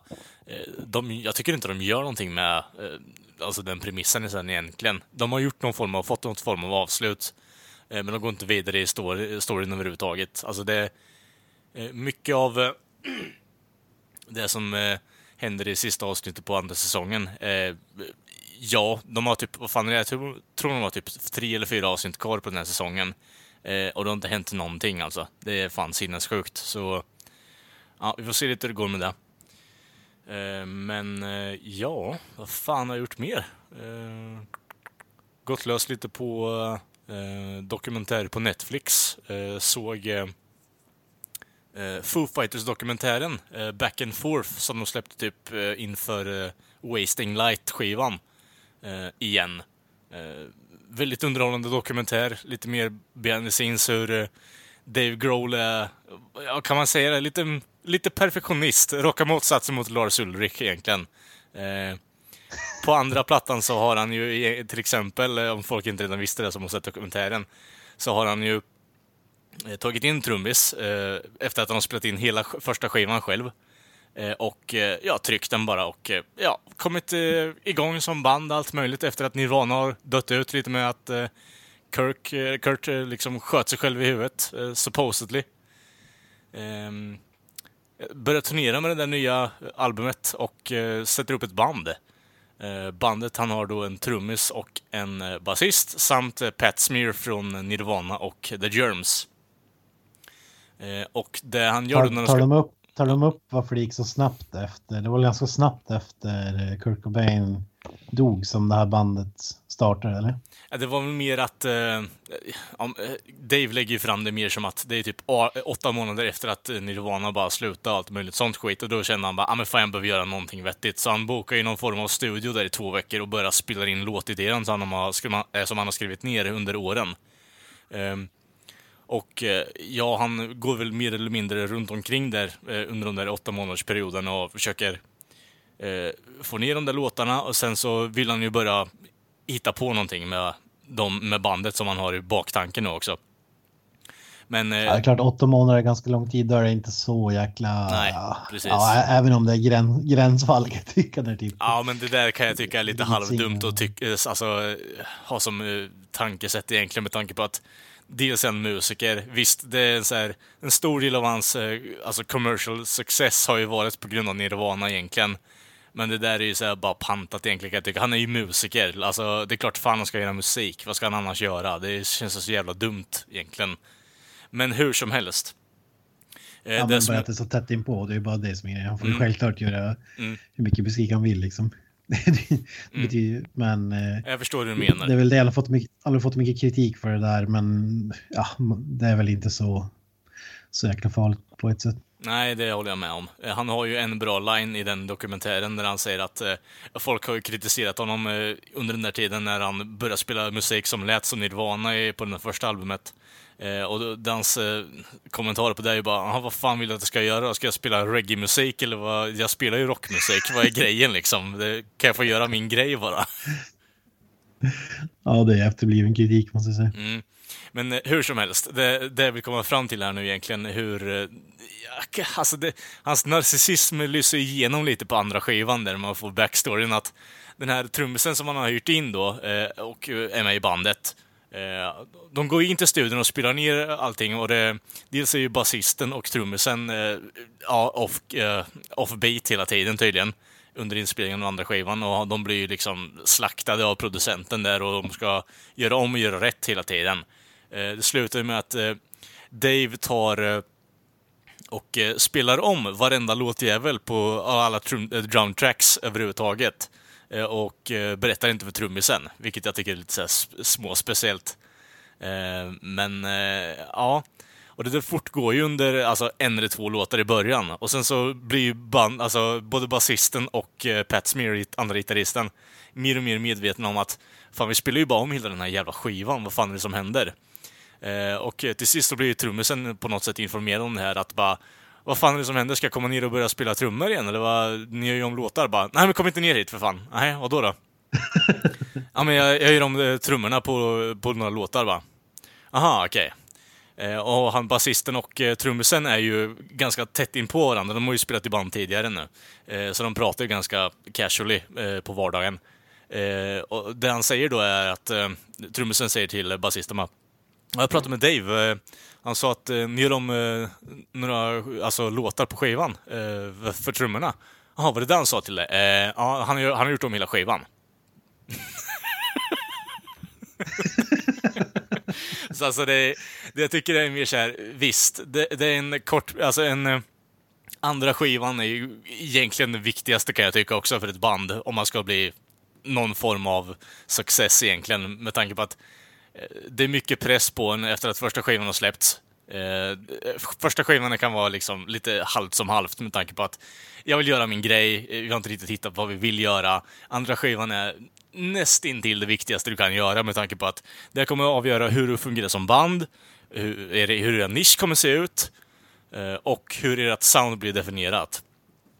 Eh, och eh, ja, det är inte rätt att göra så kan jag tycka, men det är lite mer passion bakom den och se Lars Ulrich som håller på och half-assar hela se- alltså, sin karriär efter typ, vad ska man säga, Black Albumet egentligen. Det är, ja, jag vet inte. Dels så respekterar jag det, men dels så får man en helt ny syn på Dave Grohl och hans tänkande gällande alltså skapandet musik. Eh, Men eh, ja, ja, det tyckte jag var lite intressant. Så det, kolla på den dokumentären igen, eh, för typ 17 gången. Jag älskar den där dokumentären. Den är, lite, den är intressant är den. Karaktär har vi, ja just det. Gene Simmons, Bruce Dickinson, Ja, Bruce precis. Campbell. Det är bara att ni, bara att ni gissar på. Men det som händer nu då, för de som inte har koll på läget, är det ju så här. Vi har ju två segment som är ganska bestående nu med eh, lite skojigt. Och det här heter ju Karaktären då. Och då har vi återigen en karaktär som jag har tänkt på nu, eh, som finns i min närhet i rummet som jag ser, som jag tänk- bara tänkte på, vi kör på den då. Och då ska ju mina medpodcastare då gissa med hjälp av öppna frågor vem den här karaktären är. Och de ska försöka ta reda på det så snabbt som möjligt. Så vi börjar nu. Är det Ron Jeremy? Eh, nej, Eh, vad, samma Du- du- dock. du får ta med dig en sak till en öde. Vad tar du med dig? Eh, jag tar med mig en öl, gör jag. Är du Homer Simpson? Nej. vad, vad gör dig glad? Vad är dina lyckoämnen i livet? Eh, poesi. ehm, jag hade en kaffeperiod också. Och eh, sen är det ju såklart öl. Är det. Ölen är viktig. Mhm, mhm. Vad jobbar du med? Eh, lite oklart. Jag fick ju en eh, ja, momentarily brain fart där i skolan när jag skulle lämna in min SAT där. Eh, det var ju, vad kan man kalla det? Jag var ju väldigt eh, honor student material egentligen, men sen så sket det sig när jag hittade ölen där, så det, ja. Är du Barney Gumble? Yes. Ingen aning om det där faktiskt. Det är Barney Ja. från Simpsons. Det var ju nära med Homer Simpson. ja, ja. Ja. Duff okej. Beer, magisk grej. Mhm. Ja, Alltså, det, det, Duff Beer, har ni smakat den? För det, det, ja, alltså det var ju... Nej, jag har faktiskt inte gjort. det Inte smak, Är det, är, är det en riktig öl som fanns inom Simpsons eller har, är det, har de skapat det i Simpsons och så har de gjort en riktig öl från det? Det sistnämnda. fanns ju en rip det fanns en rip-off öl för x antal år sedan som blev stämda av Simpsons för att de det var typ i Indien eller alltså någon- någonstans där de, eller Australien eller vad det var någonstans Okej. på andra sidan världen liksom där de körde med- men fick sluta med det. Mm. Och nu finns det ju en som heter Duff Beer och Mm. en som jag gissar är affiliated med Simpsons. Matt Groening bara tjänar pengar ute på eh, avslagen älgpiss. Fy fan vad vidrig den där ölen är. Det smakar fan inget gott alltså. Dyr är den också. Han älskar karaktärer som dricker öl alltså. Jag vet Ja. inte, Bender och så vidare. Ja, alltså Bender är ju långt, helt klart bättre än Homer Simpson. Får jag en, enkelt att säga alltså. Ja, vintage Homer Simpson vet inte fan men idag kanske. Let's go get some frosty chocolate milkshakes. Så jävla dåligt. Mr Plow. Ja, den är bra. Ja, vi kastar oss in i nyhetssvepet.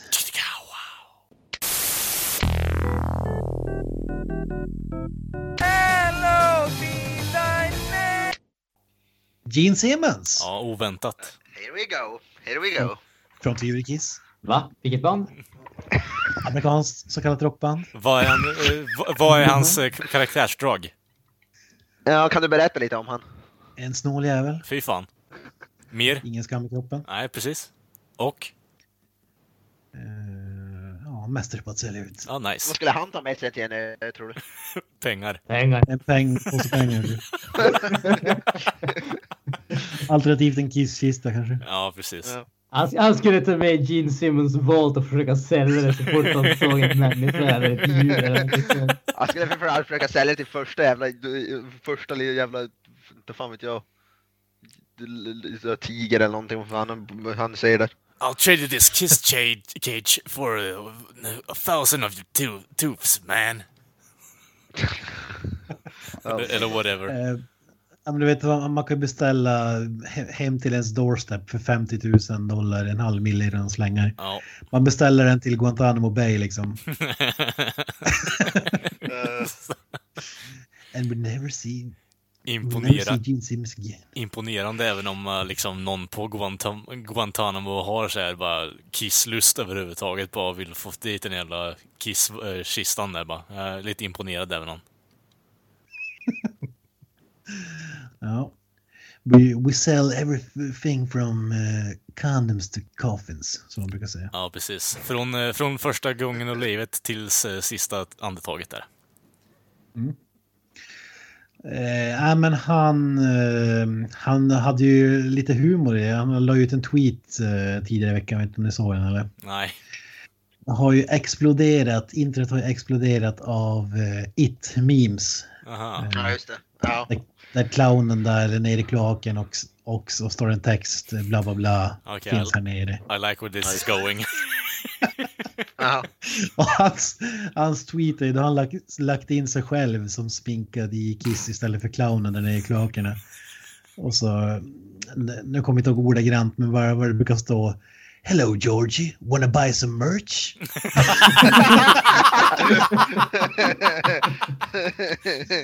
Ja, det, måste, det måste vi faktiskt ge dem cred. Nice. Kung. Det var ju faktiskt rätt bra. Ja, men vi down to brass tacks då. Eh, han har ju på sin egen hemsida han, gjort en... Eh, det fi- finns en artikel här som jag hittade. Eh, oklart när den skapades, men hur mycket han gillar halloween och parties och så vidare. Ja. Där klämmer han in att hans mamma är Holocaust survivor. Okej. Helt random. Ja. Okej. Alltså, vad i Ja. helvete. Ja. Ja, alltså, jag trodde aldrig han skulle sjunka så lågt, men å andra sidan har han sålt ut sin bandmedlem när han låg dödssjuk i cancer också, så ja, varför inte? Släng i hans morsa som har överlevt eh, förintelsen också. Ingen skam i kroppen överhuvudtaget, den här människan. Jag gillar det. Må han Ja, men brinna den ner. meningen följs ju upp typ att det var för mer än 50 år sedan så tog en ung Gene Simmons och hans morsa eh, som är- var född i Ungern och tydligen hans morsa Mhm. som även är Holocaust survivor sett i New York, New York City. Och sedan dess har hans ansikte blivit det mest eh, well known anywhere of all time. Mhm. Jaha. Och han pratar om Sverige. Jaha. I, en intervju här är ett citat från intervjun. As a well-read woman, säger han till reportern. You know that Sweden is a monarchy and has a king and a queen. Do you know in fact Do you in fact know what the king and queen of Sweden look like? Frågar henne. Hon skakar på huvudet. That's interesting. Because everyone in Sweden knows what Kiss looks like. Defense rest, your honor. What? alltså, what? Fy fan vad kung. Alltså vad jag vill säga då att fler svenskar ungefär, eller kanske folk i allmänhet vet hur Kiss och Gene Simmons ser ut. Hans face är mer recognizable än att vi skulle känna igen kungafamiljen. Alltså om vi säger så här, Gene Simmons och Kiss är ju mer intressant än vår analfabet till kung. Det kan jag ju ta och skriva på i alla fall.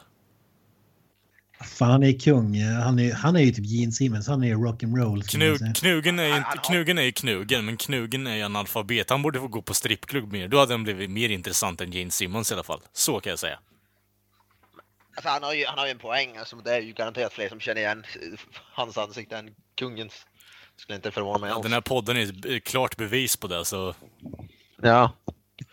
Ja, vad har vi? Har vi Do Donald Trump, eh, Jesus och Gene Simmons. Så är det de tre som Ja, är det- mest kända. The Holy Trinity liksom. jag gillar varför Donald Trump och Jesus och Gene Simmons. Ja, men vilka tror ni är de mest recognizable faces i världen? Ja, det är nog G- Barack G- Obama kanske? Ja, Jesus Hitler är nog fan en av dem. Ja, Hitler. Jesus, Hitler och Gene Simmons. Oj, oj. Ja, det måste ju vara... Bin Laden måste in där på ett hörn känns det som. Ja, då vill jag nog sätta in eh, alltså Saddam Hussein eller eh, typ eh, Fidel Castro där istället. Albert Einstein måste man väl ta med. Ja, Einstein. tungbilden där. Ja. Tungbilden är jag med på faktiskt. Michael Jackson kanske. Ja. Före eller efter operationen. Ja, alltså, det, jag, vet, jag tänkte ju säga det. Vilken av, han- vilken av hans ansikten man känner igen mig? Vilken av de fem människorna som han porträtterar är han? Vilken skådis tror ni är mest eh, worldwide famous? Alltså an ansiktsmässigt. Typ Tom Cruise kanske. Ja. Jag tror det är så här Bruce Lee eller något sånt där. Nah. Ja, alltså, jag, ändå skulle jag säga. Bruce Lee där. Nah. DiCaprio aldrig i livet. Nej. Ja, nu tycker jag... Nej. Ja, de fan känner tycker jag DiCaprio känns mer än Bruce Lee. Jag inte... Alltså han är inte Che Guevara-nivå på... Mm. Det, Nej. kän- det känns ju Ja. som att eh, alltså ska det vara något sånt där, då är det ju kanske inte vad man skulle säga är de största skådisarna nu, utan snarare de som har varit med i de här eh, ikoniska filmerna, alltså typ De Niro från Ja, det var det- Taxi Driver och sånt exakt där. tänkte I säga. och för sig, i och för sig om man räknar Elvis som skådis då är alla andra diskade känns det som. Ja, det är sant. Ah, ja, vi går vidare. Eh, till eh, Gene Simmons. Gene Simmons Ja, från Kiss. Oh. Never grows, grows, grows old. Du vet att du faktiskt Nej. kan spara på krutet va? Nej, Ja. Inte möjligt. Ja, men vi pratade ju förra veckan om att Marilyn Manson hade hånat Ja, just det. Kiss. Jaha, jag vet, jag vet vad som kommer komma nu. Förlåt. Du, du kanske ska ta den här nyheten, Kalle. Han, han fick ju svar på tal och man kan ju misstänka att Gene Simmons ligger bakom. Ja, alltså med tanke på hur jävla mycket Gene Simmons håller på och kryper i bakgrunden där så alltså, det skulle fan inte förvåna mig alltså. Men det som har hänt då, gott folk, är att eh, Marilyn Manson har ju fått eh, prop över sig när han har gjort en spelning nyligen. Och blev hospitalized. Eh, det var då en prop som eh, under Sweet Dreams tror jag det var till och med. Eh, Passande nog. ja, jag menar det. Så lite smått ironiskt där också. Så, Beskriv hur, hur proppen såg ut också. Proppen, har ni hört, hört? proppen var ju ett, eh, vad jag kunde se i alla fall, ett kors eh, som föll över honom. Så det är så här dubbel ironi med tanke på att han är väldigt så här, har satanistiska alltså, symboler i sin show överlag bara och eh, lite groteskt. Men han är... Vad, jag hörde på, på radion var att det var två gigantiska pistoler som prop som föll över. var Ja, det stämmer. Okej, han, är- ja hur som helst. Det var till och med jag som länkade, jag kollade på videon, men hur som helst. Det var en prop i alla fall. Vi säger att det är två pistoler då, som föll över honom. Eh, och eh, det är lite så här småfullt när man ser på videon att det där faller över lite halvdant. Det är nästan som att någon knuffar fanskapet alltså. Ja, det, ja, det är ju... En man i, en man i 70-årsåldern i solglasögon. Ja, precis. Det var... och en pengasäck i Han- handen. Hade han inte, inte börjat motherfucker. klättra på den tyckte jag att jag läste någonstans. Nej, den stod bara liksom helt stilla. Ja, whatever. Gene Simmons fick sin revenge. Ja. Vi får, vi får se vad, vad han svarar med eh, Marilyn Manson till nästa vecka. Jag vill ju se Marilyn Manson faktiskt hugga tillbaka och säga bara That prop was Ge- was Gene Simmons fault. Jag ser, jag, jag ser framför mig att han står där bak ja. så bara You die you motherfucker! Och så, bara, så pressar han. Talk shit about me will you? Yeah. you didn't fucking even buy a t-shirt! Kiss is gay, eh, hey? Ja, men på, ta- på tal om gamla snusgubbar, Hugh Hefner, Playboy Magazine-grundaren, har ju gått bort. Fan. 91 barre, kommer ta Kollektiv, det. det är kollektiv sorg. Ja, sig över kollek- kollektivrunk. Fan. Jesus Christ. Drog du en hyllnings... Ja. En Tem- hyllningstralla. ja. En salut. Jag, jag tyckte det var intressant, eh, Kent skrev ju där i vår privata Facebookgrupp där, hur många är det som faktiskt har läst Playboy eller sett en Playboy-tidning här i Sverige överhuvudtaget? Nej, inte det jag inte faktiskt. Det, man har ju Nej, fan alltså- aldrig gjort det, det är ju sant alltså. Man Ja. har ju fan I alla fall inte på den tiden när tidningen liksom har varit relevant. Alltså Mm. Nej, 15 år sedan eller vad man ska säga. Mm. nej, det är fan sant alltså. Jag vet inte fan om det ens har varit för någon, någon kommersiell försäljning, alltså någon stor kommersiell försäljning här i Sverige. Mm. Jag vill minnas att det fanns en skandinavisk version när det var liksom Aktuellt extra. Det. Men jag tror inte att eh, jag har aldrig sett en liksom amerikansk, amerikansk version i Sverige. Margot Wallström!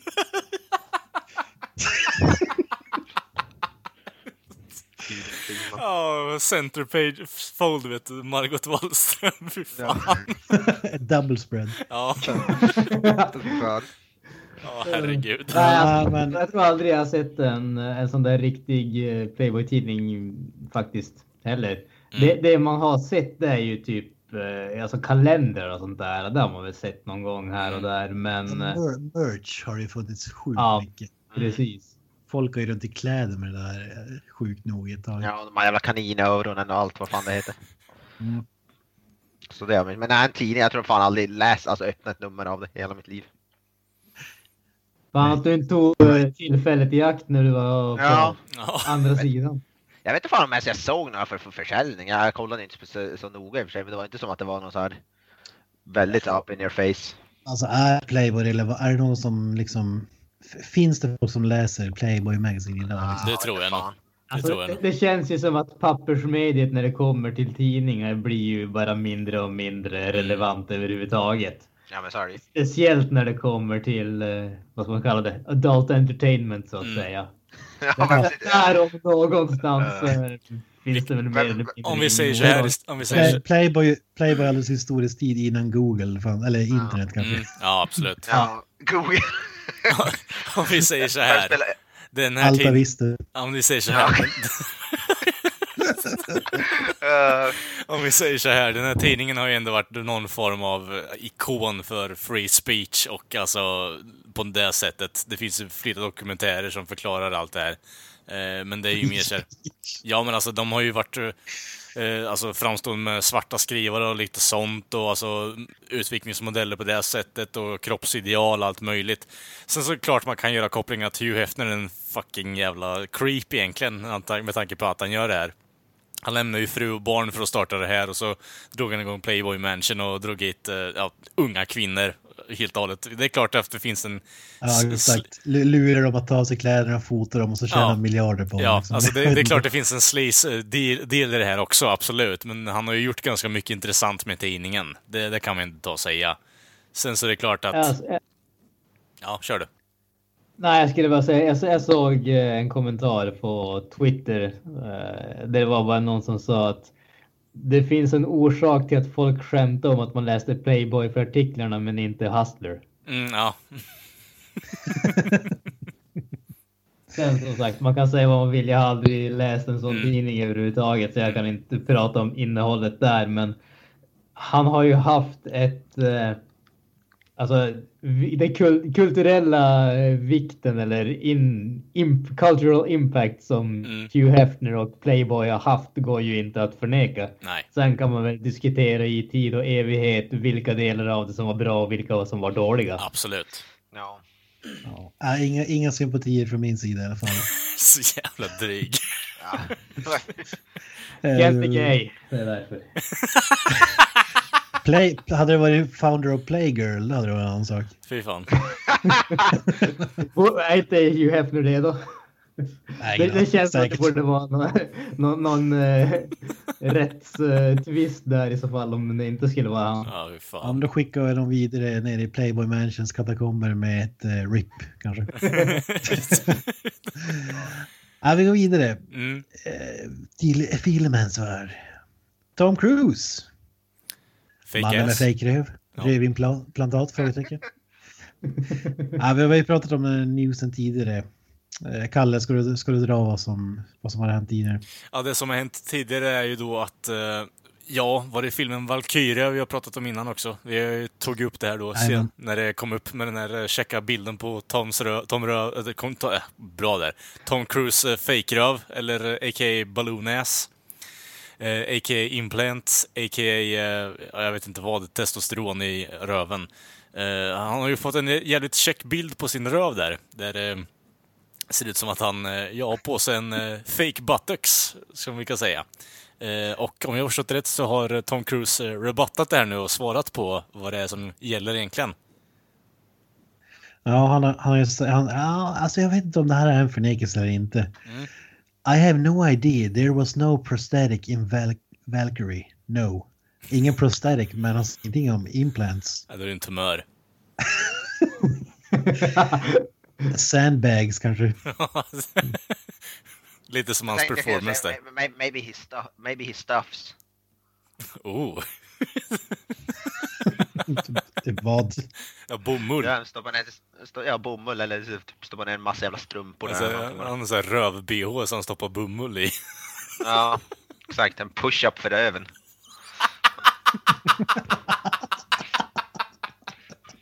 Kung. Ja, så underbart. Tom's got back så att säga. Ja, precis. He's bringing sexy back, literally. Mhm, mhm. Vi hoppar vidare till eh, Avatar-filmerna, uppföljarna. Ja, Det ska komma 27 stycken, eller vad det är. Mm. Och Granström ser ju oerhört fram emot de här. Ja. Givetvis, mästerverk allihopa, varenda en av dem. Han, första Avatar är väl hans favoritfilm. någonsin. Bästa som någonsin har gjorts. Fan. Eh, Ja, det är klart. Ridley Scott slängde i väggen. Handlingen var ju sig så liksom... den mannen kan ju faktiskt slänga sig i väggen. Ja, Ha, handlingen, handlingen i filmen var ju otroligt nyskapande när den kom. Alltså, Pocahontas. Alltså, Ah. jag, jag, jag tycker att det är väldigt viktigt att eh, folk vågar göra sånt som inte har gjorts tidigare. Dansa med vargar. så är det ju faktiskt. Hur hade filmlandskapet sett ut utan Avatar? Förmodligen exakt likadant på Ja. 2003. ja, precis.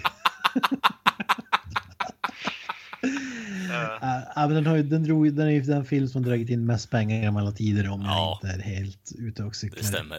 I alla fall Den ligger väl på rank. nummer ett tror jag fortfarande. Yes. yes. Ja, det har du. Det, är- det, så är det. Mm.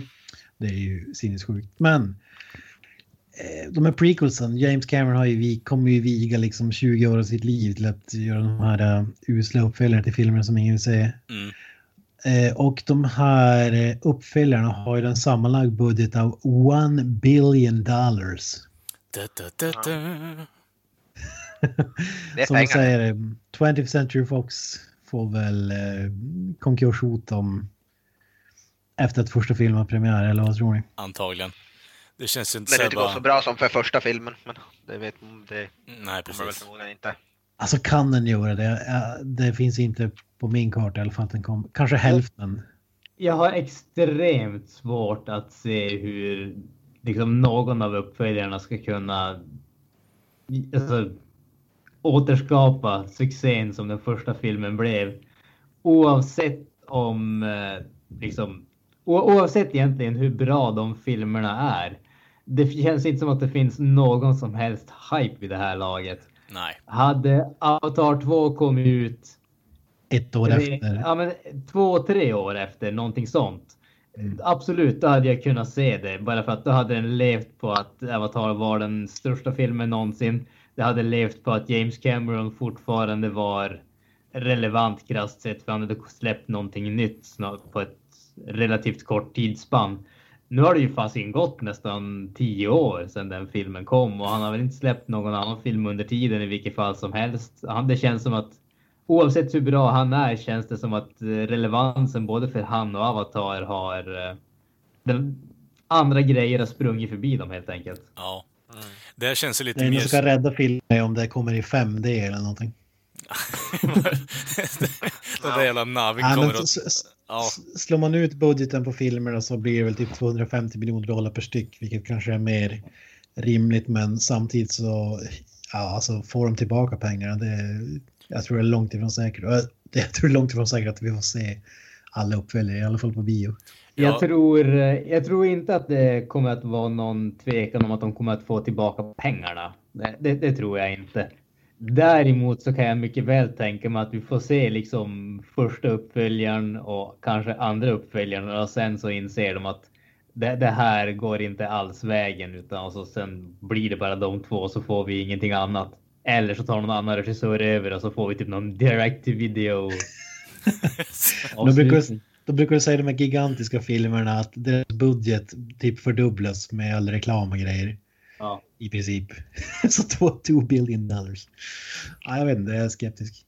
Jag känner ju mer att det här kommer bli någon form av uh, grej där James Cameron och hans uh, next of kin och deras next of kin och deras next of kin kommer att ha toalettpapper i typ eh, för alltid i stort sett med, med tanke på hur jävla mycket pengar de kommer att spola ner. Ja. Vi kastar oss in i tv-spelens värld. Fy fan. mycket, mycket snack om Super Nintendo, Mini Classic eller hur nu exakta titeln är. Och succén med, det har ju kommit Nintendo 8-bitars NES Classic tidigare. Sålt Ja. slut. Den här SNES sålde ut direkt. Och det har ju andra eh, spelfabrikanter vill ju casha in på den här trenden då. Mm. Så nu får vi det vi alla väntat på, en Commodore 64 Mini. Självklart. Vilket känns som den liksom mest meningslösa konsolen, jag ska kalla det någonsin. Har ni någon relation till Commodore 64? Nej, Det var ju en populär, populär konsol, konsol, konsol, konsol när, jävligt när det släpptes. Den är ju mång- många som fortfarande avdyrkar den konsolen. Så jag kan, tror nog kan tänka mig att det är en ändå smart ekonom, rent, ur en ekonomisk synpunkt. Jag har ingen intresse av den själv alls. Men... Jag hade ju faktiskt en Commodore 64, en, en bägga den för sjukt, sjukt länge sedan. Och det var ju liksom totalt skräp. Alltså det, det finns ju inte ett spel som... Det, det fanns ju, du kunde ju antingen, det är ju som en dator, du kunde antingen ha diskett, vilket jag inte hade, det var liksom versionen. Jag hade kassettband, spelen var på kassettband. Alltså samma kassettband som liksom musik spelas på. Ja, just. Alltså jag behöver kanske inte säga att spelen kanske inte var top notch. Eh, det ska ju vara typ som tusen spel i den här för att någon ska köpa den känns det som. Granström, blir det någon Commodore 64? Eller? Nej, det gjorde jag inte. Alltså, det var eh, faktiskt innan min tid. Jag har för mig att eh, min kusin hade en och jag spelade någon gång när jag besökte dem. Men jag har aldrig haft någon själv. Jag kan inte komma ihåg att jag, alltså något speciellt spel eller någonting sånt som jag spelar på det heller. Jag tror inte att någon av mina kompisar som jag umgicks med hade någon heller. Jag tror att för mig så var det NES, Nintendo, som var det första. Det är det jag kommer ihåg i alla fall. Mm. Ja, det var ju sjukt eh, föråldrad. Typ Amiga, det tror jag hade kunnat funka, men Commodore 64, Nja. Men vi behöver inte prata mer om det. Vi har ju Super Nintendo Classic kommit ut i veckan och jag och Knösen har ju varsitt ex och har lirat. Vad, vad säger du om första intrycket så att säga? Ja, jag har bara kopplat i den och testat lite spel, kollat igenom lite spel snabbt. Men den är ju, alltså jag gillar den, den är ju sjukt smidig alltså. Den är ju ilsnabb och du tar fem sekunder slå på så är du inne i ett spel. Fem sekunder att byta spel. Den jag gillar verkligen själva konceptet och de har ju faktiskt några, några favoriter för min del. uh, är ju Link to the Past. uh, de har Super Mario World, de har ju Final Fantasy 3. uh, eh, Secret of Mana, det är ju verkligen sådana klassiker så jag är verkligen sugen på att spela mer. Alltså jag är riktigt imponerad än så länge av det lilla jag sett. Det är en, jag älskar ju Super Nintendo, är en av mina favoritkonsoler. Så det är ju faktiskt bara, bara bra spel. Det är några spel jag saknar, Chrono Trigger saknar jag bland annat och något kanske mer Final Fantasy-spel. Men jag tycker de har fått ihop en jävligt bra samling och jag ser fram emot att lira mer på den. Definitivt. Ja, det är typ som för mig. Jag har inte, jag har inte spelat så jag har bara testat några spel och sådär. Men det man saknar mest är Turtles in Time tycker jag. Ja, ja, ja, faktiskt. Det kan jag hålla Det var, också. det var ju magiskt. Alltså det är ju... sjukt bra. Ja. Det är roligt att co-op eller vad man ska säga. Två players, är det ju sjukt kul. Ja, man, man skickar sig tillbaka till pojkrummet alltså. Det är helt sinnessjukt. Det här var ju typ den konsolen där tv-spelet pikade för mig efter det gick ju bara neråt så att säga. Nintendo 8-bitars var den första jag hade och sen var det den här som var liksom på den tiden var det ju liksom helt magisk stor skillnad mellan dem. Mm. Det är ju lite mer eh, spelbarheten är ju betydligt längre på Super Nintendo än 8-bitars måste man ju säga. Ja. Du lägger inte ner eh, åtta timmar på 8-bitars spel kanske, jag vet inte. Nej, men det är ju just det. Det, är, det här är ju sånt där att du tar upp det för att spela kanske. Du har en halvtimme över. Det är ju som, så lätt att ta, ta Det finns ju de spelen, så finns det de här stora RPG som du kan lägga ner timmar på. Det är som bra blandning av spel också. Det, det gillar jag ju som fan. Och sen det, en sak som är ju faktiskt awesome är att de har ju kontrollerna precis som de var när de kom ut. De, det är ju som... Mm. Jag tror det är 100% exakt som de var. Vad jag kommer ihåg i alla fall. Plast, plasten känns inte exakt likadan men själva utformningen av knapparna man trycker på den känns Ja. som man minns det i alla fall. Mm. Ja, nej. Sjukt, sjukt bra maskin alltså. Väldigt prisvärd skulle jag säga. Jag, jag tyckte, jag tycker för, för jag, jag betalar, jag tror 1500 spänn kostar den i Sverige. Vilket för många kanske kan se som dyrt, men jag tycker definitivt värt pengarna. Definitivt. Ja, om det någonsin vad det är så är det en minimaskin som ryms i handen liksom. Mm. Där du kan spela, spela de här gamla klassiska spelen på, eh, med, koppla in med HDMI istället Ja. för att hålla på med. Så det är bättre kvalla på grafiken och så vidare. Ja. Så har du, är det 20 eller 21 spel som ingår. Ja, något sånt där. Det, det, det, det var det jag gillade också, den själva, för att få ström till den, det är bara vanlig och. Det, det, för- alltså, du kan koppla in USB-porten på din dator och få, få en ström därifrån. Alltså. Det tycker jag Mm. var väldigt smidigt, smidigt faktiskt. Så, nej, är bara en bra, bra maskin. En enda minuset som jag har det är att kablarna är lite längre än på Nintendo 8-bitars Classic men tycker jag ändå inte de var långa nog.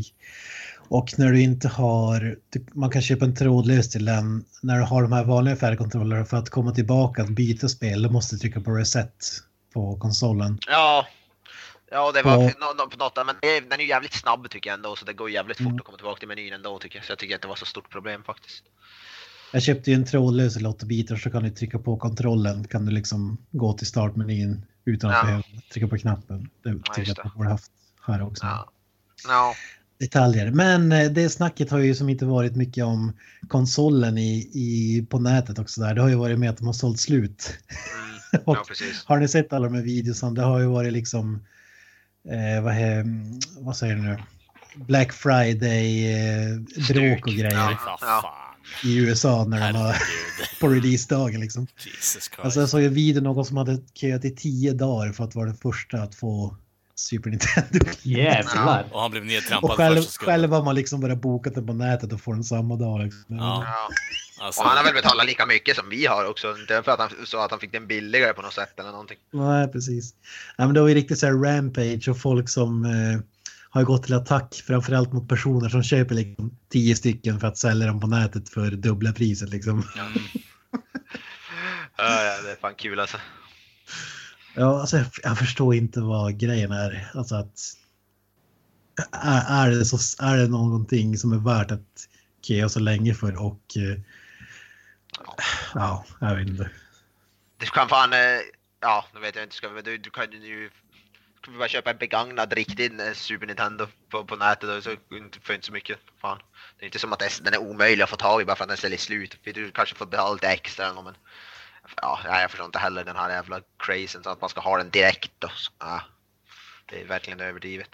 Ja, Det, det som är synd att det inte finns tillräckligt, tillräckligt många för att man ska kunna köpa den i butik. Nu var jag tvungen. Det kommer väl komma mer senare har du sagt, men just nu Ja. så är det slutsåld om du inte köper den av någon. I alla fall den här första Nintendo 8-bitar ska ju börja tillverkas igen. Jag vet inte vad de har sagt om den här SNES, men den här NES-varianten ska ju börjas igen. Mm. Nej, jag förstår inte varför inte Nintendo tillverkar fler. Alltså det ju, det måste ju vara en pengagruva för dem. Alltså, de måste ju tjäna något kopiöst. För det måste ju vara billigt att tillverka. och Det, det, som, jag fattar inte varför man inte gör fler exemplar. Ja, jag har pratat om det tidigare, Ja. kanske var att skapa hype eller någonting, men fan vad pengar de går miste om alltså. Ja, det är väl för det också med Nintendo, så de vill väl inte ta att folk tar fokus från deras nya Nintendo Switch också förmodligen. Skulle jag väl gissa på att det har något att göra med. Ja, är jävligt nice. Så man kan ju säga det är priset som är största. Alltså skulle du köpa liksom klassiska spelen. En basenhet är kanske inte så dyr, men typ Zelda då kostar ju upp mot tusen spänn. Vad jag sett på nätet liksom. Alltså bara det spelet. Ja, och vissa av de där Det är spelen är jävligt, Ja, vissa av de där spelen är sjukt sällsynta också så det är kul att få att de har lagt in dem. Mm. Ja. Jag har inte hunnit spela så mycket, men det är riktigt nice att få återvända så att säga. Mm. till den vagnen. Vi går vidare till poddens recensionsdel. Kalle, take it away. Ja, och då har vi kommit till delen då eh, vi antingen säger tack och adjö för den här veckan, eh, eller så får ni välja att lyssna vidare på vår recensionsdel. Eh, men det kommer innehålla spoilers. Vi kommer göra lite ett avbrott till där vi gör först någon form av introduktion till, till filmen som är Soylent Green från 1970-talet. Eh, och eh, ja, allt annat har vi inte redan förberett för det är ingen mall vi har att prata om nu. Men vill ni lyssna på oss så lyssnar ni vidare eh, och det kommer innehålla spoilers. Eh, om inte det är intressant så tack och adjö så hörs vi nästa vecka. Nästa vecka, bra där. Pff, kan inte prata överhuvudtaget idag. Men fuck, fuck it. Inte recensioner nu grabbar. Soylent Green, vad tycker vi? Det var ju du, Kalle, som valde filmen. Kan vi kanske få lite bakgrund till varför du valde den här filmen? Eh, ja, för mig är den här filmen en klassiker egentligen. Alltså, det, det finns ju en line i slutet som vi kanske ska ta redan i början av recensionen.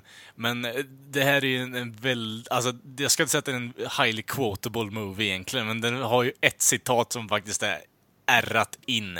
Och det, det är ju en spoiler på hela twisten i filmen, så jag tycker vi sparar den. Men den, det som är värt att nämna med den här filmen är att den har ett citat som faktiskt sticker igenom och har blivit referensbelagt äh, på så jävla många olika medier. Det är därför jag valt den, för att det är en klassiker.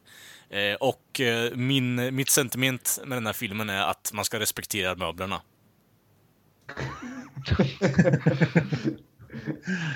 uh, Vad, vad kan man säga om handlingen då? Man kan väl säga att handlingen är lite mer belagt på att... Eh, men tänk, tänk Omega Man, att det är, har varit kris i landet helt och hållet. Det är, eh, det är krig och det... Jag ska säga att det, det är heatwave och eh, växthuseffekten är i full, i full fart. Är det. Och eh, det som hänt då är att alla grodor, groddor och eh, växter och ja, djurliv överlag har dött ut. Så allt, Det lät ju såhär grodor. Ja, Ja, förlåt. du? Svenska, Grädor kanske. s- svenska. Grönsaker kan vi säga så, så blir det enklare. Eh, Men det som har Det, hänt... det, världen har gått åt helvete. Precis, precis. Det finns ingen mat kvar. Nej, precis. Och det som finns att Kött, tillgå... kött är typ omöjligt att få tag i. Precis. Och det som det s- kommer in på då är att regeringen har kommit på en check lösning på det här problemet och det heter Soylent Green. Och det är närorikt och ja, det delas bara ut en gång i veckan. Eh, Så det är väldigt så här åtråvärt att få efter det. Men En gren klump. Ja, typ, precis. Som en eh, bar av något slag. Ser det är ut- typ en cracker nästan. ja, ser upp, typ Det, ur- ursäkt, ursäkta att jag avbryter här. Ja, Eh, Men det känns som att du överkomplicerar det här väldigt, väldigt mycket. okej. Eh, f- Får jag bara breaka det här ner till the basics? Kör på. Framtiden är en dystopi där det finns alldeles för lite mat, alldeles för mycket människor och fr- världen har gått helt åt helvete. Ja. Det som folk har att äta, det är de här Soylent-produkterna. Det är green som är den nya grejen och sen hade de väl, vad var det? Orange. Yellow. Jag, Ja, yellow och red. Precis.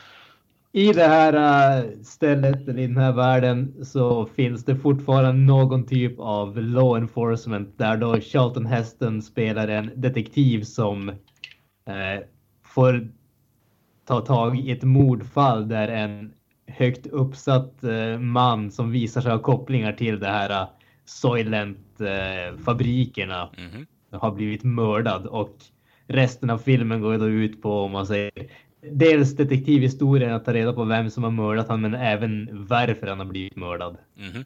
Yes. yes. Box. Vad tyckte vi om filmen utan att säga någonting om handlingen? Jag tycker att den är riktigt, riktigt bra överlag. Den är inte lika.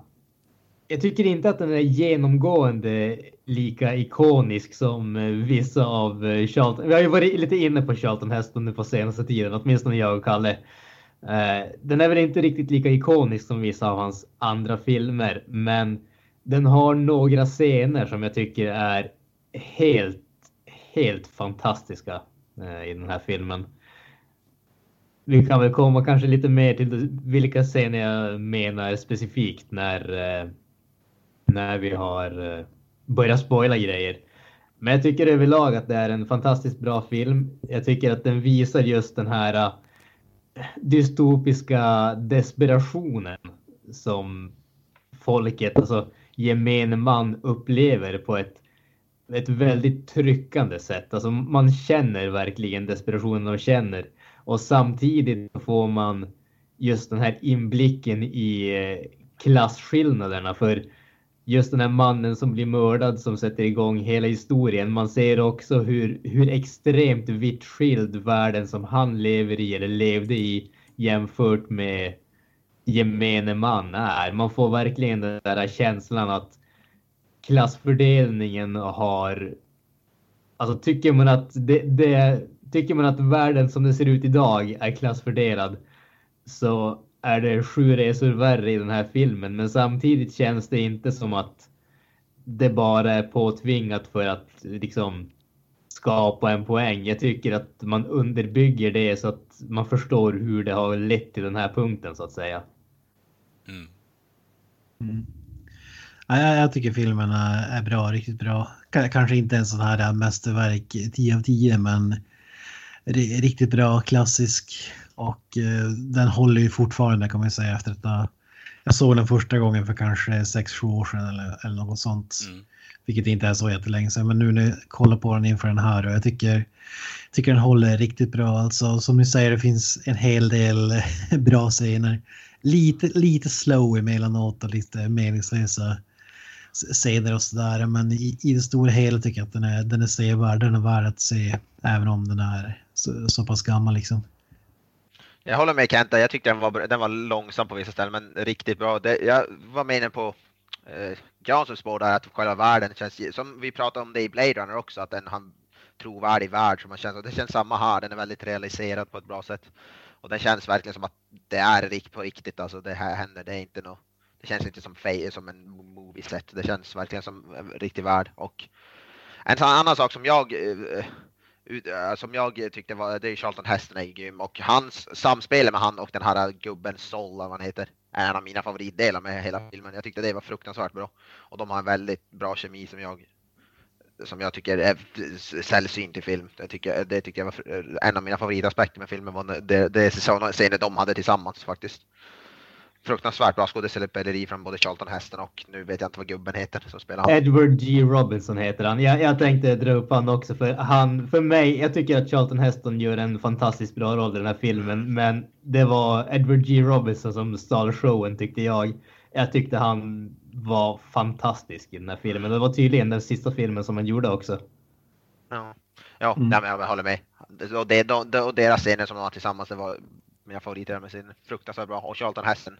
Riktigt övertygad. Men som Kent sa, det var några långsamma delar. Jag var lite uttråkad ibland. Utifrån. Men det var bra. Den, den var då en bra längd. Hade den varit längre hade den blivit, då hade jag tyckt att den tydligt sämre för då hade det, den känts ännu mer tråkig. Men nu var de tråkiga långsamma delar väldigt korta och väldigt små delar av filmen så jag som, som det gjorde mig inte ta mycket. Men li, li, li, det, var, det var en jävligt bra film. Det var inte en, en, som Ken sa, inte ett mästerverk, men det var en riktigt bra film tycker jag. Eh, Då med vad Kalle säger. Ja, alltså jag kan inget annat än att hålla med egentligen. Eh, grejen med den här filmen är, tycker jag, att du hade ju kommentarer på att det här är en av eh, Charlton Hestons eh, kanske lite mer segare filmer, Granström.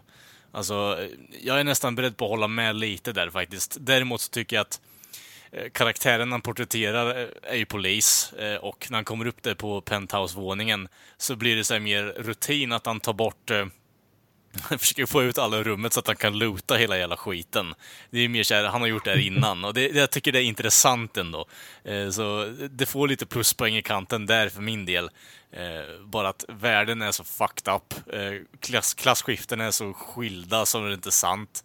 Och så har du poliser som skär från de rika när de är döda liksom. Det, jag tycker ändå det är någon form av intressant tanke där bakom med tanke på att desperationen kommer verkligen igenom i varje scen.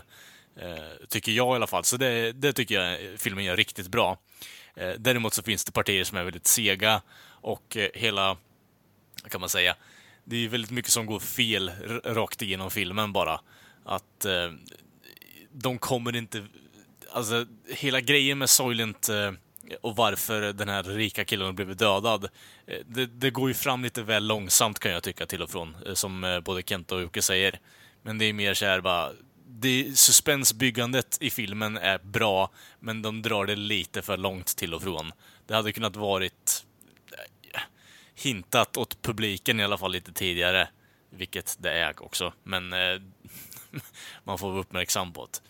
Men överlag tycker jag att det är helt klart en film som man definitivt borde se innan man dör, för det är en sån klassiker och den är så, som jag säger, highly quotable, i alla fall sista delen där som eh, är med i väldigt mycket andra popkultur överlag. Så det är helt klart en film man måste se. Jag är nyfiken på den här linen som du snackar om som är så ikonisk. Om det är den jag tror det är så har jag aldrig hört ja. den. Okej, okay. ja, jag hör den ja, överallt och var som helst i flera andra sammanhang så det, vi kommer dit sen. Har vi eh, något mer att säga som är ospoilerigt eller ska vi drabba headfirst inte i ett spoiler-territorium. Jag tycker det är lite lustigt bara att säga att uh, Charlton Heston i den här filmen har sex med möbler. Men uh, det är ju bara för att möbler i, i den här filmen är typ någon form av kod för kvinnor som uh, kan ses som eskort. det, var det, det förstod inte jag innan jag kollade upp det efter, efter film. Jag fattade inte varför de kall, var, var, varför han sa furniture och vad de ja. var. Och sen kollade jag. Och då gick det upp klockan, eller då, då, då gick det upp ett ljus för mig. Jag fattade inte det faktiskt. Ja, worldbuildingen i den här filmen är ju magisk tycker Absolut. jag. Alltså både hur, hur det ser ut, hur det fungerar, alltså de, de bitarna är ju riktigt bra tycker jag. Mhm, mhm. Som vi säger, hur, hur, hur kom man till den här punkten liksom att med furniture och så vidare. Ja. Det var också därför jag blev lite förvånad över, ja, jag vet, ja för förresten, det kan vi kanske ta upp i spoilerdelen, det är väl tekniskt sett en spoiler. Mm. Det kan vi ta upp senare. Ja, ska vi kasta oss in i spoilers? Granström skulle dra vanliga disclaimer. Okej. Från och med nu så kommer vi att spoila skiten ur den här filmen. Vi, eh, vill ni inte höra spoilers eller vill ni kanske se filmen och återkomma till oss så avsluta podcasten här nu. Vi kommer inte att ha något annat att säga utan vi kör på. Spoilers ahead. Spoiler alert! Spoiler alert! Spoiler alert! Ja, som jag sa, den, ju den serien, det är inte så mycket med spoiler, men han, går, han kommer till den där kvinnan och går rakt in i hennes sovrum och börjar klä av sig och lägger sig i samma säng. Jag, Ja. var totalt för, jag var totalt förvirrad, jag fattade ingenting alltså. Sen, sen lä, läste jag då att den, den furniture där är typ, de måste väl ha, lä, ligga med dem, vilken man som helst i princip som bara går in i samma rum som dem eller något sådär, någonting åt det hållet läs, läser jag då på. Jag var helt förvirrad, förvirrad när jag såg den för jag fattade noll. Kvinnosyn. Det var, det, det var, Fan, jag tyckte att det var ganska solklart ändå. Ja, det tyckte jag också. Ja. Alltså, det, det här, jag tycker ju att det där är ett... Man, man kan ju givetvis diskutera kvinnosynen, men prostitution är ju... Det finns väl en orsak till att det kallas världens äldsta yrke. Absolut. Och det här är väl på något sätt den logiska, eh, logiska slut, slutfasen av det där det man verkar ser... logiskt. ja, men lo, lo, logiskt var väl kanske fel ord att uttrycka. Men eh, det, den, eh, det, det är liksom slutskedet av eh, det, det tankesättet att man ser dem knappt som människor längre. De är furniture, de är en del av inredningen. De bara är där för att liksom användas mer eller mindre. jag tänker Nej, mig jag, jag, att... jag eh, fattade faktiskt inte. Det, det, det, fick, det fattade jag inte förrän jag kollade upp det efter filmen. Faktiskt. Jag tänker mig, när kommer man upp till den graden av alltså, möblemang i den världen egentligen? Det är lite creepy också. Hon i filmen eh, sägs ju vara typ runt 20 där någonstans. Men eh, ja, jag vet inte. När blir man promotad till möbel? Ja men, du, tror- alltså, ja men det är ju det jag menar. Det är ju det här med desperation. Om du liksom... Om livet är, om alternativet är att bo på gatan och svälta eller att eh, liksom sälja dig själv men Mm. bo i ett liksom high class eh, apartment och Mm. liksom få mat när du vill ha det och ha en relativ frihet. Mm. Jag tror att eh, många skulle sälja sig själv i det, det fallet om det var alternativen. Jo, jo, Det är bara att kolla på Hollywoodfruar. Ja, precis. Oh, oh. Kra- kra- Krasst sett så är det ju faktiskt Jo. så. Det, det här är ju ändpunkten på något sätt. Vägen ut. Jag vill ju ha möblemangsshowen här nästa också i så fall då.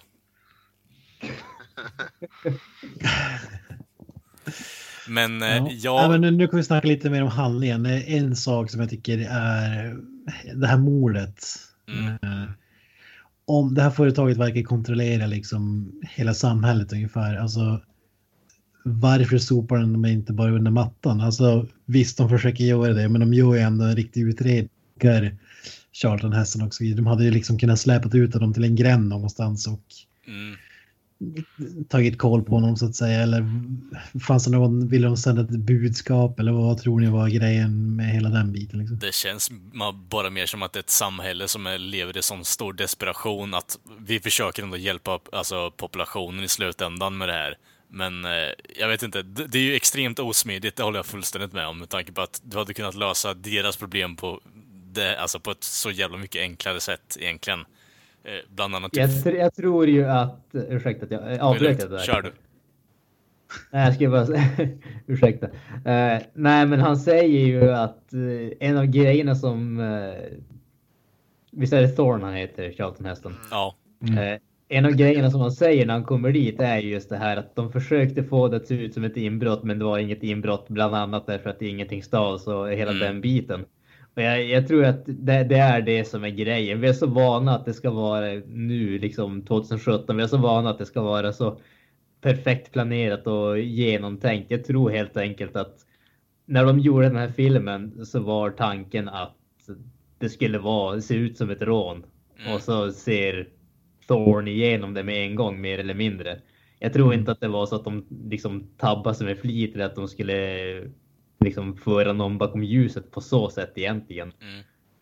Men så själva grejen som jag var det, det att det var det här företaget skickade när han, för, att han visste om det här med Soylent Green och så ville de ta bort den. Det var det som var grejen eller? Det var ju Han mer, hade berättat det för prästen.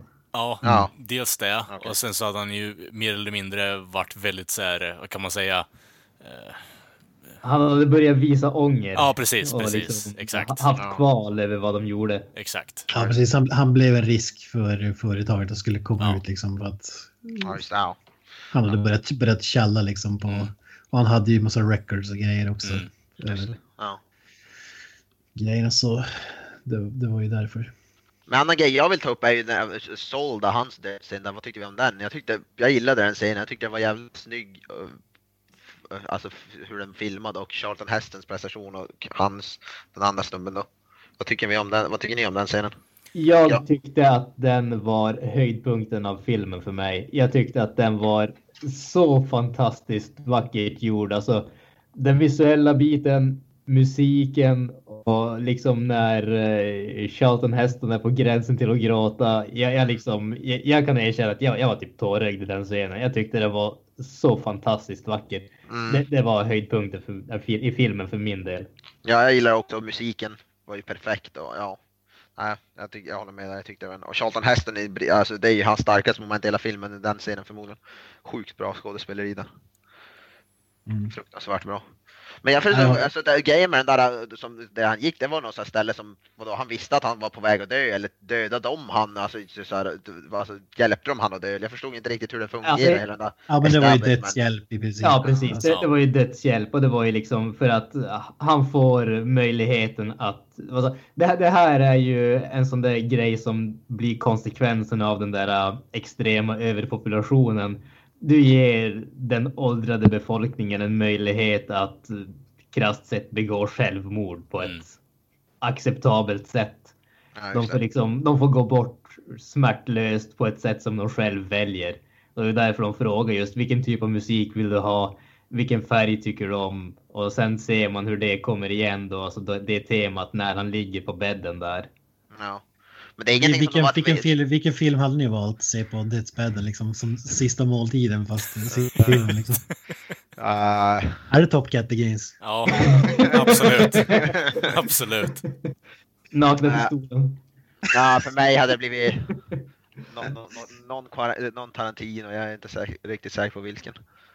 Den är världens längsta film kan man dra ut på det. Ja. Killen Ja, det finns- The neverending story Men det, liksom. de var väl, men de, the game var väl, de var väl inte tvingade till att gå dit, det var väl något sånt här frivilligt val? Var det Ja, ja, ja, ja, ja, men jag menar om du hade... Du, du skulle checka ut sist, sist, du fick Ja. se en sista film innan du dör. Ja. Ja, ja, men då skulle vi välja den här världens längsta film som är vad, åt- 80 timmar någonting eller vad fan det är. The neverending story skulle jag säga på. Njutbart slut på livet. Liksom. Ja, precis. Kanske till och med finns en ännu längre nu, jag vet inte. Jävla... så vad du valt. Ja. Alltså, grejen, det är svårt att säga för man vill ju se någonting som är avslappnande och upplyftande. Jag tror jag skulle ta någon sån här nej. film som... Va? The Bad Batch. Då skulle han ju, då skulle han ju välkomna det. Så bara, vad fan, slå Ja, det precis. Skulle jag välkomna döden efter den skiten. Nej, vad skulle du säga?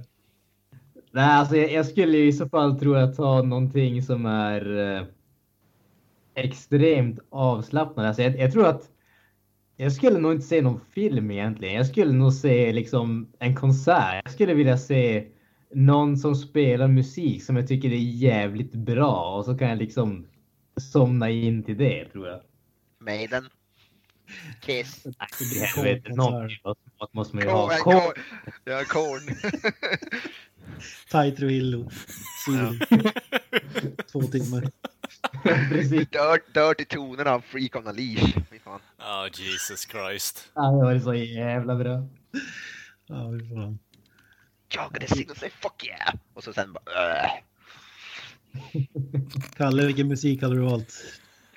Alltså, det, det där är ju så jävla dumt egentligen. Jag förstår ju konceptet alltså, men det, hade jag stått där så hade jag inte kunnat välja alltså.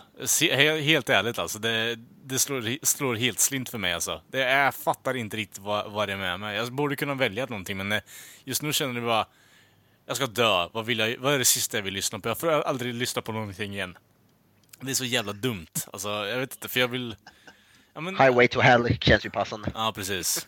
Nej, inte direkt. Alltså, det, det, det, den låten känns inte som man vill gå ut på egentligen. Ja, det är inte Staring Nej, precis. jag hade nog faktiskt velat dö till typ Free, Freebird, Leonard Skinner, det känns passande. Men, Alltså. kung. Let the body hit the floor. Ja, den är möjligtvis bara för liksom lite skoj. I jag come, I come blood med Cannibal Corpse. Ja, precis. Ja, Jag ska ju tillbaka, tillbaka till filmen då. Ja, Ja. Spårar ur. Eh, Uppläsningen på filmen, såg ni det komma eller? eh, ja. Nej, innan, faktiskt inte innan han kom till den där fabriken. Alltså jag faktiskt inte, in, innan han, jag började se dem vad heter det, transportera kropparna dit. Men efter, när, efter ett tag när jag såg det, då började jag jaha, okej. Ja, då. Men faktiskt inte, jag gissade mig inte till mig det till förväg, om jag ska vara helt ärlig. När fattade du det, Kalle? Ja, fan. Typ där när prästen, eh, han var hos prällen alltså. Där någonstans. Eh, Och när prästen dog. Där. Ja, okej. Granström, did you see it coming? Alltså, jag hade ju sett filmen sedan tidigare. Nu var det jävligt länge sedan, så jag, jag visste ju den biten. Om jag kommer i... Jag har ingen aning om jag såg det komma när jag såg filmen första gången, men jag visste det hela vägen igenom den här gången. Så. Mm. Ja, det var samma för mig, så det svårt att säga exakt när, men det var inte... Hade alla, alla tre av ni hade alltså sett den innan? Kalle? Alltså, Ja, jag hade sett den innan. Såg den för första gången. Ja. Interesting. Ja, jag hade sett den. Det var väl bättre första gången sa det, kanske. Vad, vad sa Granström? Nej, jag Ja. skulle bara säga... Kör du. Nej, Ken. det här går bra. Ja, men eh, på tal om sluttwisten då, att Soylent Green is people. Är det den linen du snackade om tidigare, Kalle? Eller Yes, det är den linen jag tänker på då. Silent Green is people. Och det är ju... Det är många som bytte ut det mot bara typ Duff Beer is people eller liksom... Futurama har gjort massa grejer på det där också. Det är ju mycket så här sci-fi grejer som har gjort, som jag har sett på i alla fall, som har gjort parodi på det. Eh, sen så finns det andra människor runt omkring som gör referenser till det också, så det, det är någonting som figurerar i min, har figurerat i min omkrets. Eh, så för min del har det blivit att man ser den här quoten ganska ofta eh, runt omkring sig bara. Jag har faktiskt aldrig hört den tror jag tidigare heller. Som Mm. jag är på Kents där. Jag tror fan inte jag... Man kanske, man kanske inte har tänkt på det. Bara. Nej. Jag- jag- Ja, nu, nu har jag hört den. Jag tycker att jag, att jag har hört den väldigt ofta i alla fall. Mm. Alltså so, Soylent Green, alltså den har man ju hört alltså, någonstans, men det känns inte som så här I'll be back eller typ någon sån Nej, nej, nej. Nej. Ja, ja, men hur som helst, det var ju som slutscenen här när han dör och när han liksom säger Soylent Green is people utan att man hör vad han säger. Det var ju ganska, det var jävligt coolt tycker jag. Mm. Ja, den var bra. Den var bra själva scenen, det jag gillar. Det kändes som desperat. Det kändes som att han försökte säga någonting som ingen trodde på. Att det kändes som att det kommer gå åt helvete. De, de kommer fortsätta. De kommer inte... Alltså, jag vet, inte, det kändes på något sätt hopplöst när han gjorde det. Jag, vilket jag gillade på något sätt. Det kändes som... Ja. Det, det, älskar man, det älskar man att se såna gamla filmer när det är liksom actionscener och fight-scener. Det är så jävla långt ifrån till Born Identity och det här skräpet. Alltså. Mm. Snabba klipp karate och utan här är det bara gammal klassisk haymaker eller liksom. Ja. det, Det känns som att varje rörelse hade väldigt överdriven också. För det var väl svårt att få till det lite så smidigt ut. Det var verkligen överdrivna så här, Mm. slag och allting sådär. Och när de faller så är det verkligen så här wow, over the top typ. Och, ja, och ljud, ljud, ljuden är så smack. Det är ju nästan sådär typ Batman-stuk, alltså gamla Bat. Det saknas bara en sån här stor, stor alltså, serietidningsgrej som kommer upp och så står det smack. Alltså, det är bara det som saknas typ. Ja, ni kan eh, förbereda er på det och se på Batman om en månad igen bara så att ni är för med, med på det. ja, precis. Ja, men det, som du säger, ljudet där med gamla filmer, det, är- det, är liksom, det är inte så mycket bakgrundsmusik egentligen i den här filmen. Och, och som du säger, ljudeffekterna är liksom någon som slår på kött i en studio. Liksom. Alltså, det är så, det är så magiskt. Alltså. Ja, det är kung. Och alltså, samma med pistolskotten där är också överdrivna. Ja. Något jävligt. Ja. Men det är kung. Ja, men det är charmigt det tycker jag i alla fall. Så det... Ja, ja. It gets a pass. Ja, ja, det Om är man, klart. om man säger relationen mellan Charlton Heston och Edward G. Robinson, vad var de egentligen? Var de pappa-son, var de polare bara eller var de lovers eller vad tror ni? Jag, tror, jag tänkte mest på att de var typ bara eh, som bodde i de var som inne, inneboende, det var bara roommates. Det var, det, jag tänkte bara Ja. så, jag vet inte om det var något, jag tänkte inte så mycket djupare än så. Jag vet inte om jag är helt fel ute där. De, de verkar ju ha någon typ av eh, arbetsrelation, åtminstone ja, i bakgrunden. För han Ja. säger ju den där poliskaptenen eller vad det nu är att eh, de, borde, de ska pensionera eh, Sol och fixa han en ny eh, bookie. Så att Ja. nå- någon typ av eh, professionell relation verkar det finnas i Mm. bakgrunden. Sen tolkade jag mer som att de var väldigt, eh, vad heter det, nära stående. Om det var ett eh, nära vänskap eller om de var ett eh, homosexuellt par. Det låter jag vara osagt. Jag misstänker att eh, hade det varit det senaste så hade det förmodligen inte varit så populärt i Amerika 1973 när filmen släpptes. Så. Nej, Ja, men det det jag tänker att det är genialt att det är liksom så subtle att det knappt märks. Men om man verkligen Folk kanske tänkte inte så som man gör idag på sådana grejer att det liksom Nej, är det som är grejen. Liksom. Ja. Det, det, kan, det kan vara vilket som, det beror bara hur man tolkar det. Men liksom, det, går- det går inte att säga rakt av att det är det här eller det andra. Nej. Men som sagt, det, som sagt det, relationen med dem var min kanske favoritdel i hela filmen. Jag tyckte det var alltid, jag, jag längtade bara till att få se det. Jag tyckte det var så bra på, alltså. Det- Brokeback Mountain-stuk. Inte sett den filmen andra, den andra scenen som jag älskar det är ju scenen när Charlton Heston kommer hem och har med sig köttet och Ja. grönsakerna. Och liksom när, när de lagar mat och äter det och hela den biten. Jag älskar ju den scenen också. Alltså När just sitter- eh, Ja. när, han sitter och liksom kommer ihåg. För han, Sol, hade ändå varit med om man säger innan eh, katastroferna hände så att säga. Han var med när, när världen var som den skulle vara. eh, Mm. mer eller mindre. ja, precis. Och liksom just när han drömmer sig tillbaka och det är ju precis den biten som vi får också just i dödsscenen hans. Att det är ju det här eh, naturen, hur världen var innan världen gick åt helvete och hela den Ja, biten. Mhm. Det, det känns ju som det, det genomgående temat för den karaktären är ju just det här, alltså längtan tillbaka till det som var, för han är den som faktiskt var med på den tiden. Ja. Jag gillar när de sitter och knaprar och de har ett stort salladsblad på tallriken så sitter de bara och knaprar salladen. Det tycker jag det är kul. Ja, han har ju sett samhället kollapsa så att säga. Ja. Jag läser nu att han är professor, former professor. Det kanske framgick i filmen. Lärare var han va? Men eh, ja, whatever. Ja. Ja. Ja, eh, det jag tänkte med, det var ju magiskt den här eh, när de skulle handla i början av filmen. När den här ägaren till matbutiken skallade hade, eh, hade fixat kött och så öppnar den upp kylen och så hänger det liksom ett enda köttstycke Ja. där. Det- Ja, just det. Detaljen där är ganska kul. Att det går att fixa men det går att fixa en eh, köttskiva liksom. Mm. Men det var det jag gillade, han var ju lite douchey, Charlton Heston karaktär ibland. När han går in där, där snubben som har dött, han går och plockar på sig bara. Det, det grejer överallt, så går han och plockar på sig allt han kan hitta. Han hittar sprit, han hittar mat och vad fan är. Det tyckte jag var lite kul. Han går och plockar på sig allt han kan hitta.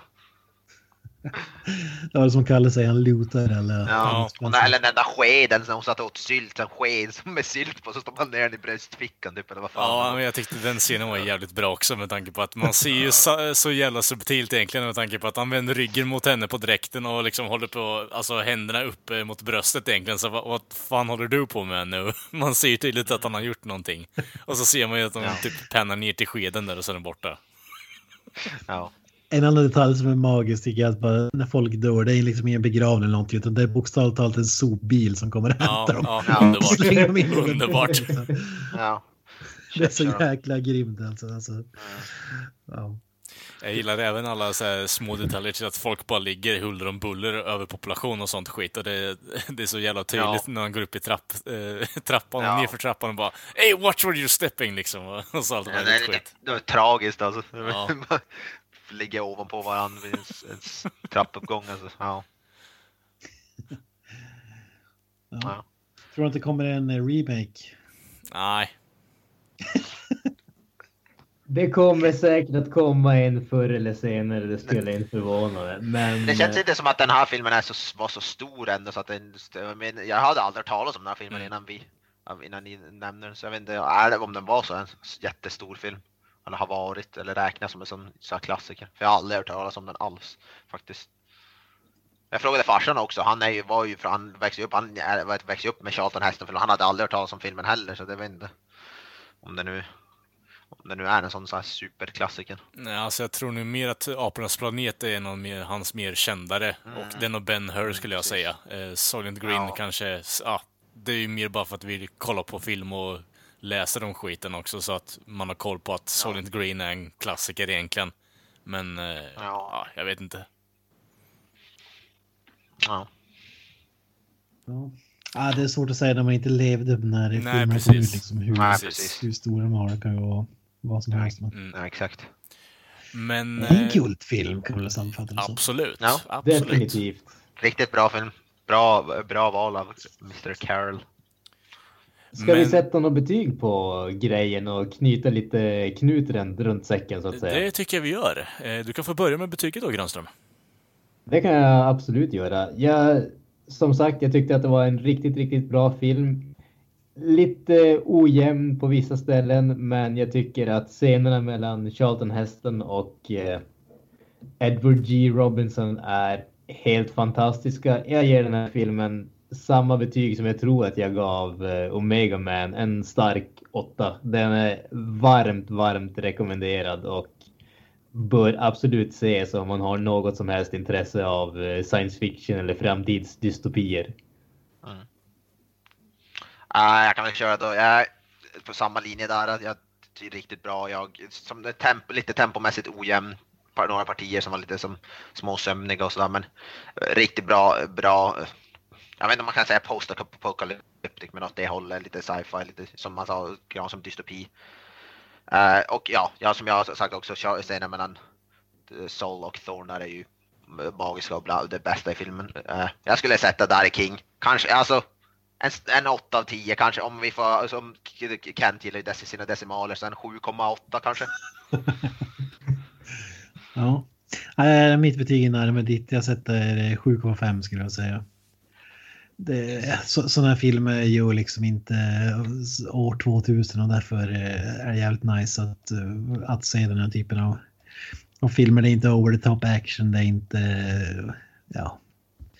Inget, inget mästerverk så att säga, men riktigt bra tycker jag att den är. Mm, mm. Ja, jag är väl inne på Kents spår egentligen där också. Det är en kultklassiker i min mening. Eh, och eh, alltså porträtteringen av eh, Charlton Hestons eh, karaktär är ju helt underbar med tanke på att det är så mycket behind the scenes grejer och alltså världsbildande som så det är inte sant alltså med tanke på att det är där när han går in i, eh, alltså i eh, penthouset där, där och bara lutar skiten ur hela lägenheten. Eh, det, det säger så mycket om hela situationen som vi befinner oss i i filmen. Att till och med polisen eh, Eh, som ändå försöker alltså, rädda någon eller lösa fall överlag bara går in och snor skit ur rika människors lägenheter. Alltså det...